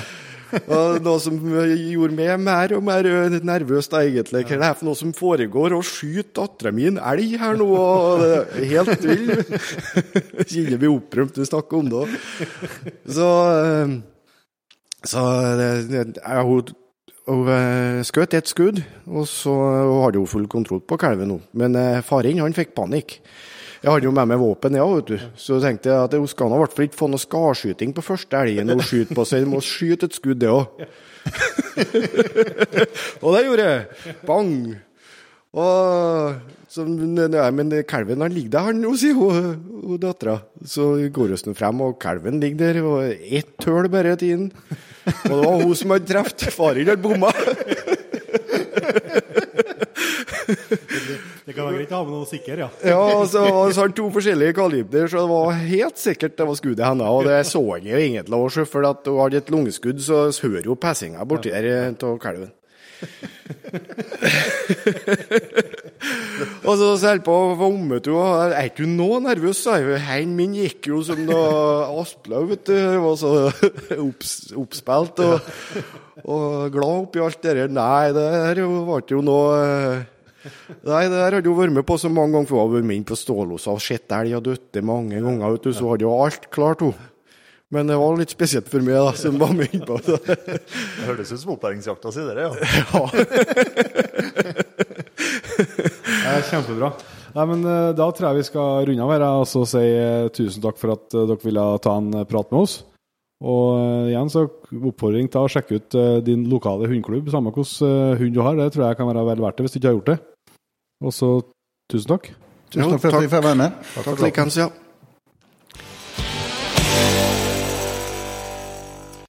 Det var Roger Haugan og Gisle André Berdal fra Sør-Trøndelag Elgenklubb. Lederen og nestlederen. Det er storfolk når de kommer til Jegerpodden, vet du. Ja, de stilte opp, stilte opp der. Det er bra. Yes.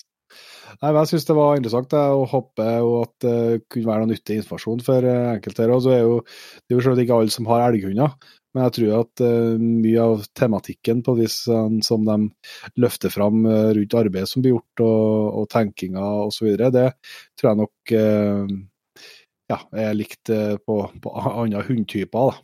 Ja. Og, så gi nå en klapp på skuldra og en varm tanke til dem som bruker mye av fritida si på foreningsarbeid, både for jegere og for hundfolk. Mm det er det vel verdt, for det gjør seg ikke sjøl, altså.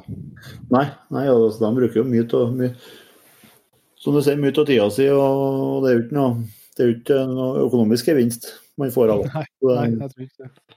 Det, det har vært desentlig vanskeligere uten, uten sånne folk. Mm. Så da skal vi begynne å gå inn for landing, tenker jeg. Og da har vi jo noen eh, faste punkter som vi eh, ønsker å innom du, før vi runder helt av. Ja. Det første er jo, eh, er jo den ganske nye av sesongen. Yes, Paskeposten, som er ukens produkt i nettbutikken. Og ikke overraskende for dere som eventuelt har fulgt med litt på sosiale medier siste uka, så er det Jegerpodden capser. Ja, endelig. endelig det har jo Ting har ikke gått fortere etter korona, for å si det sånn. Nei. Så, det, er jo, det, er jo, to kapser som, som ligger ute i dykken nå. Den, det ene er en, ja, det er en jaktcaps, oransje. Mm. Det kan jo brukes til hverdags òg, altså. Ja, ja, ja. Jeg gjør det i hvert fall. Ja. I tillegg så er det jo da en, en ja, kanskje hakket mer hverdagscaps. da. Ja. Blir også noen som bruker den på jakt, men Nei da. Den, det er en grå en med en litt mindre Jegerpod-logo på. Mm. Jeg må si at jeg syns den ble stille. altså. Nå skjønner jeg at jeg ikke er helt objektiv, og jeg, jeg later ikke som jeg kan noe mot det, men uh, dæven, jeg ble uh, glad når jeg så den. Jeg har sett bilder av den og designet liksom før og etter første produksjon, og når jeg fikk den i hånda, da jeg måtte ringe, begynte jeg å ringe rundt vilt til kjentfolk for å fortelle. Så, men det kan godt være at den er utsolgt når dere kommer på lufta, da. Men det er uansett verdt å sjekke ut det hvis du har lyst på en, noen capser som som setter godt på huet, og som ser bra ut, i hvert fall i øynene våre. Da. Ja. da skal vi passe på å, takke nye patriens. Det kommer stadig nye folk til patriensjaktlaget, og det er vi jo helt avhengig av. Så det skal jo gleden å få takke dem er jo like stor hver gang. Da starter vi på toppen der og sier tusen takk til en Even Forbord. Og Leif Stian Stubsjøen. Rino Johansen. Trym Malmo. Erik Heiberg. Daniel Holm. Lisa Camilla Dybdahl. Terje Tollefsen. Morten Bjørnseth. Vegard Fjalestad. Kristian Homme. Tore Klette. Ole Bom. Ole Halvor Hjartsjø. Hallgeir Harsjøen. Atle Sletten. Elling M. Ofstad. Robin Pedersen. Leif Bjarne Klette. Andreas Hjelten og Anders Gløyen. Gløyen. Mm. Tusen hjertelig takk til dere, og selvsagt til hele Patrion-jaktlaget som vi har takka og tidligere. Det setter vi kjempestor pris på. Hvis du har lyst til å bli en del av jaktlaget, så finner du lenke i beskrivelsen av episoden her. Mm. Men da er det vel eh, på tide å eh, runde av og få lov til å ønske folk som er på er å skape jakt eh, i god jakthelg. Nå er jo eh, fuglejakta i full gang, og, eller, og harejakta. og Det er mye som eh, er på trappene. Ja. Neste uke er vi tilbake med ny episode og mer jaktprat. Så da tror jeg vi ses som vi bruker å gjøre. Til neste gang. Vi høres.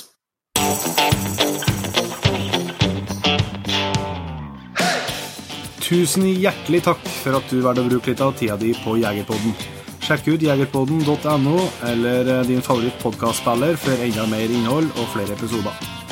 Følg også Jegerpodden på Facebook og Instagram, og ikke minst, husk å fortelle alle gode venner, familie og tilfeldige forbipasserende om Jegerpodden, sånn at vi får spredd det glade budskap videre.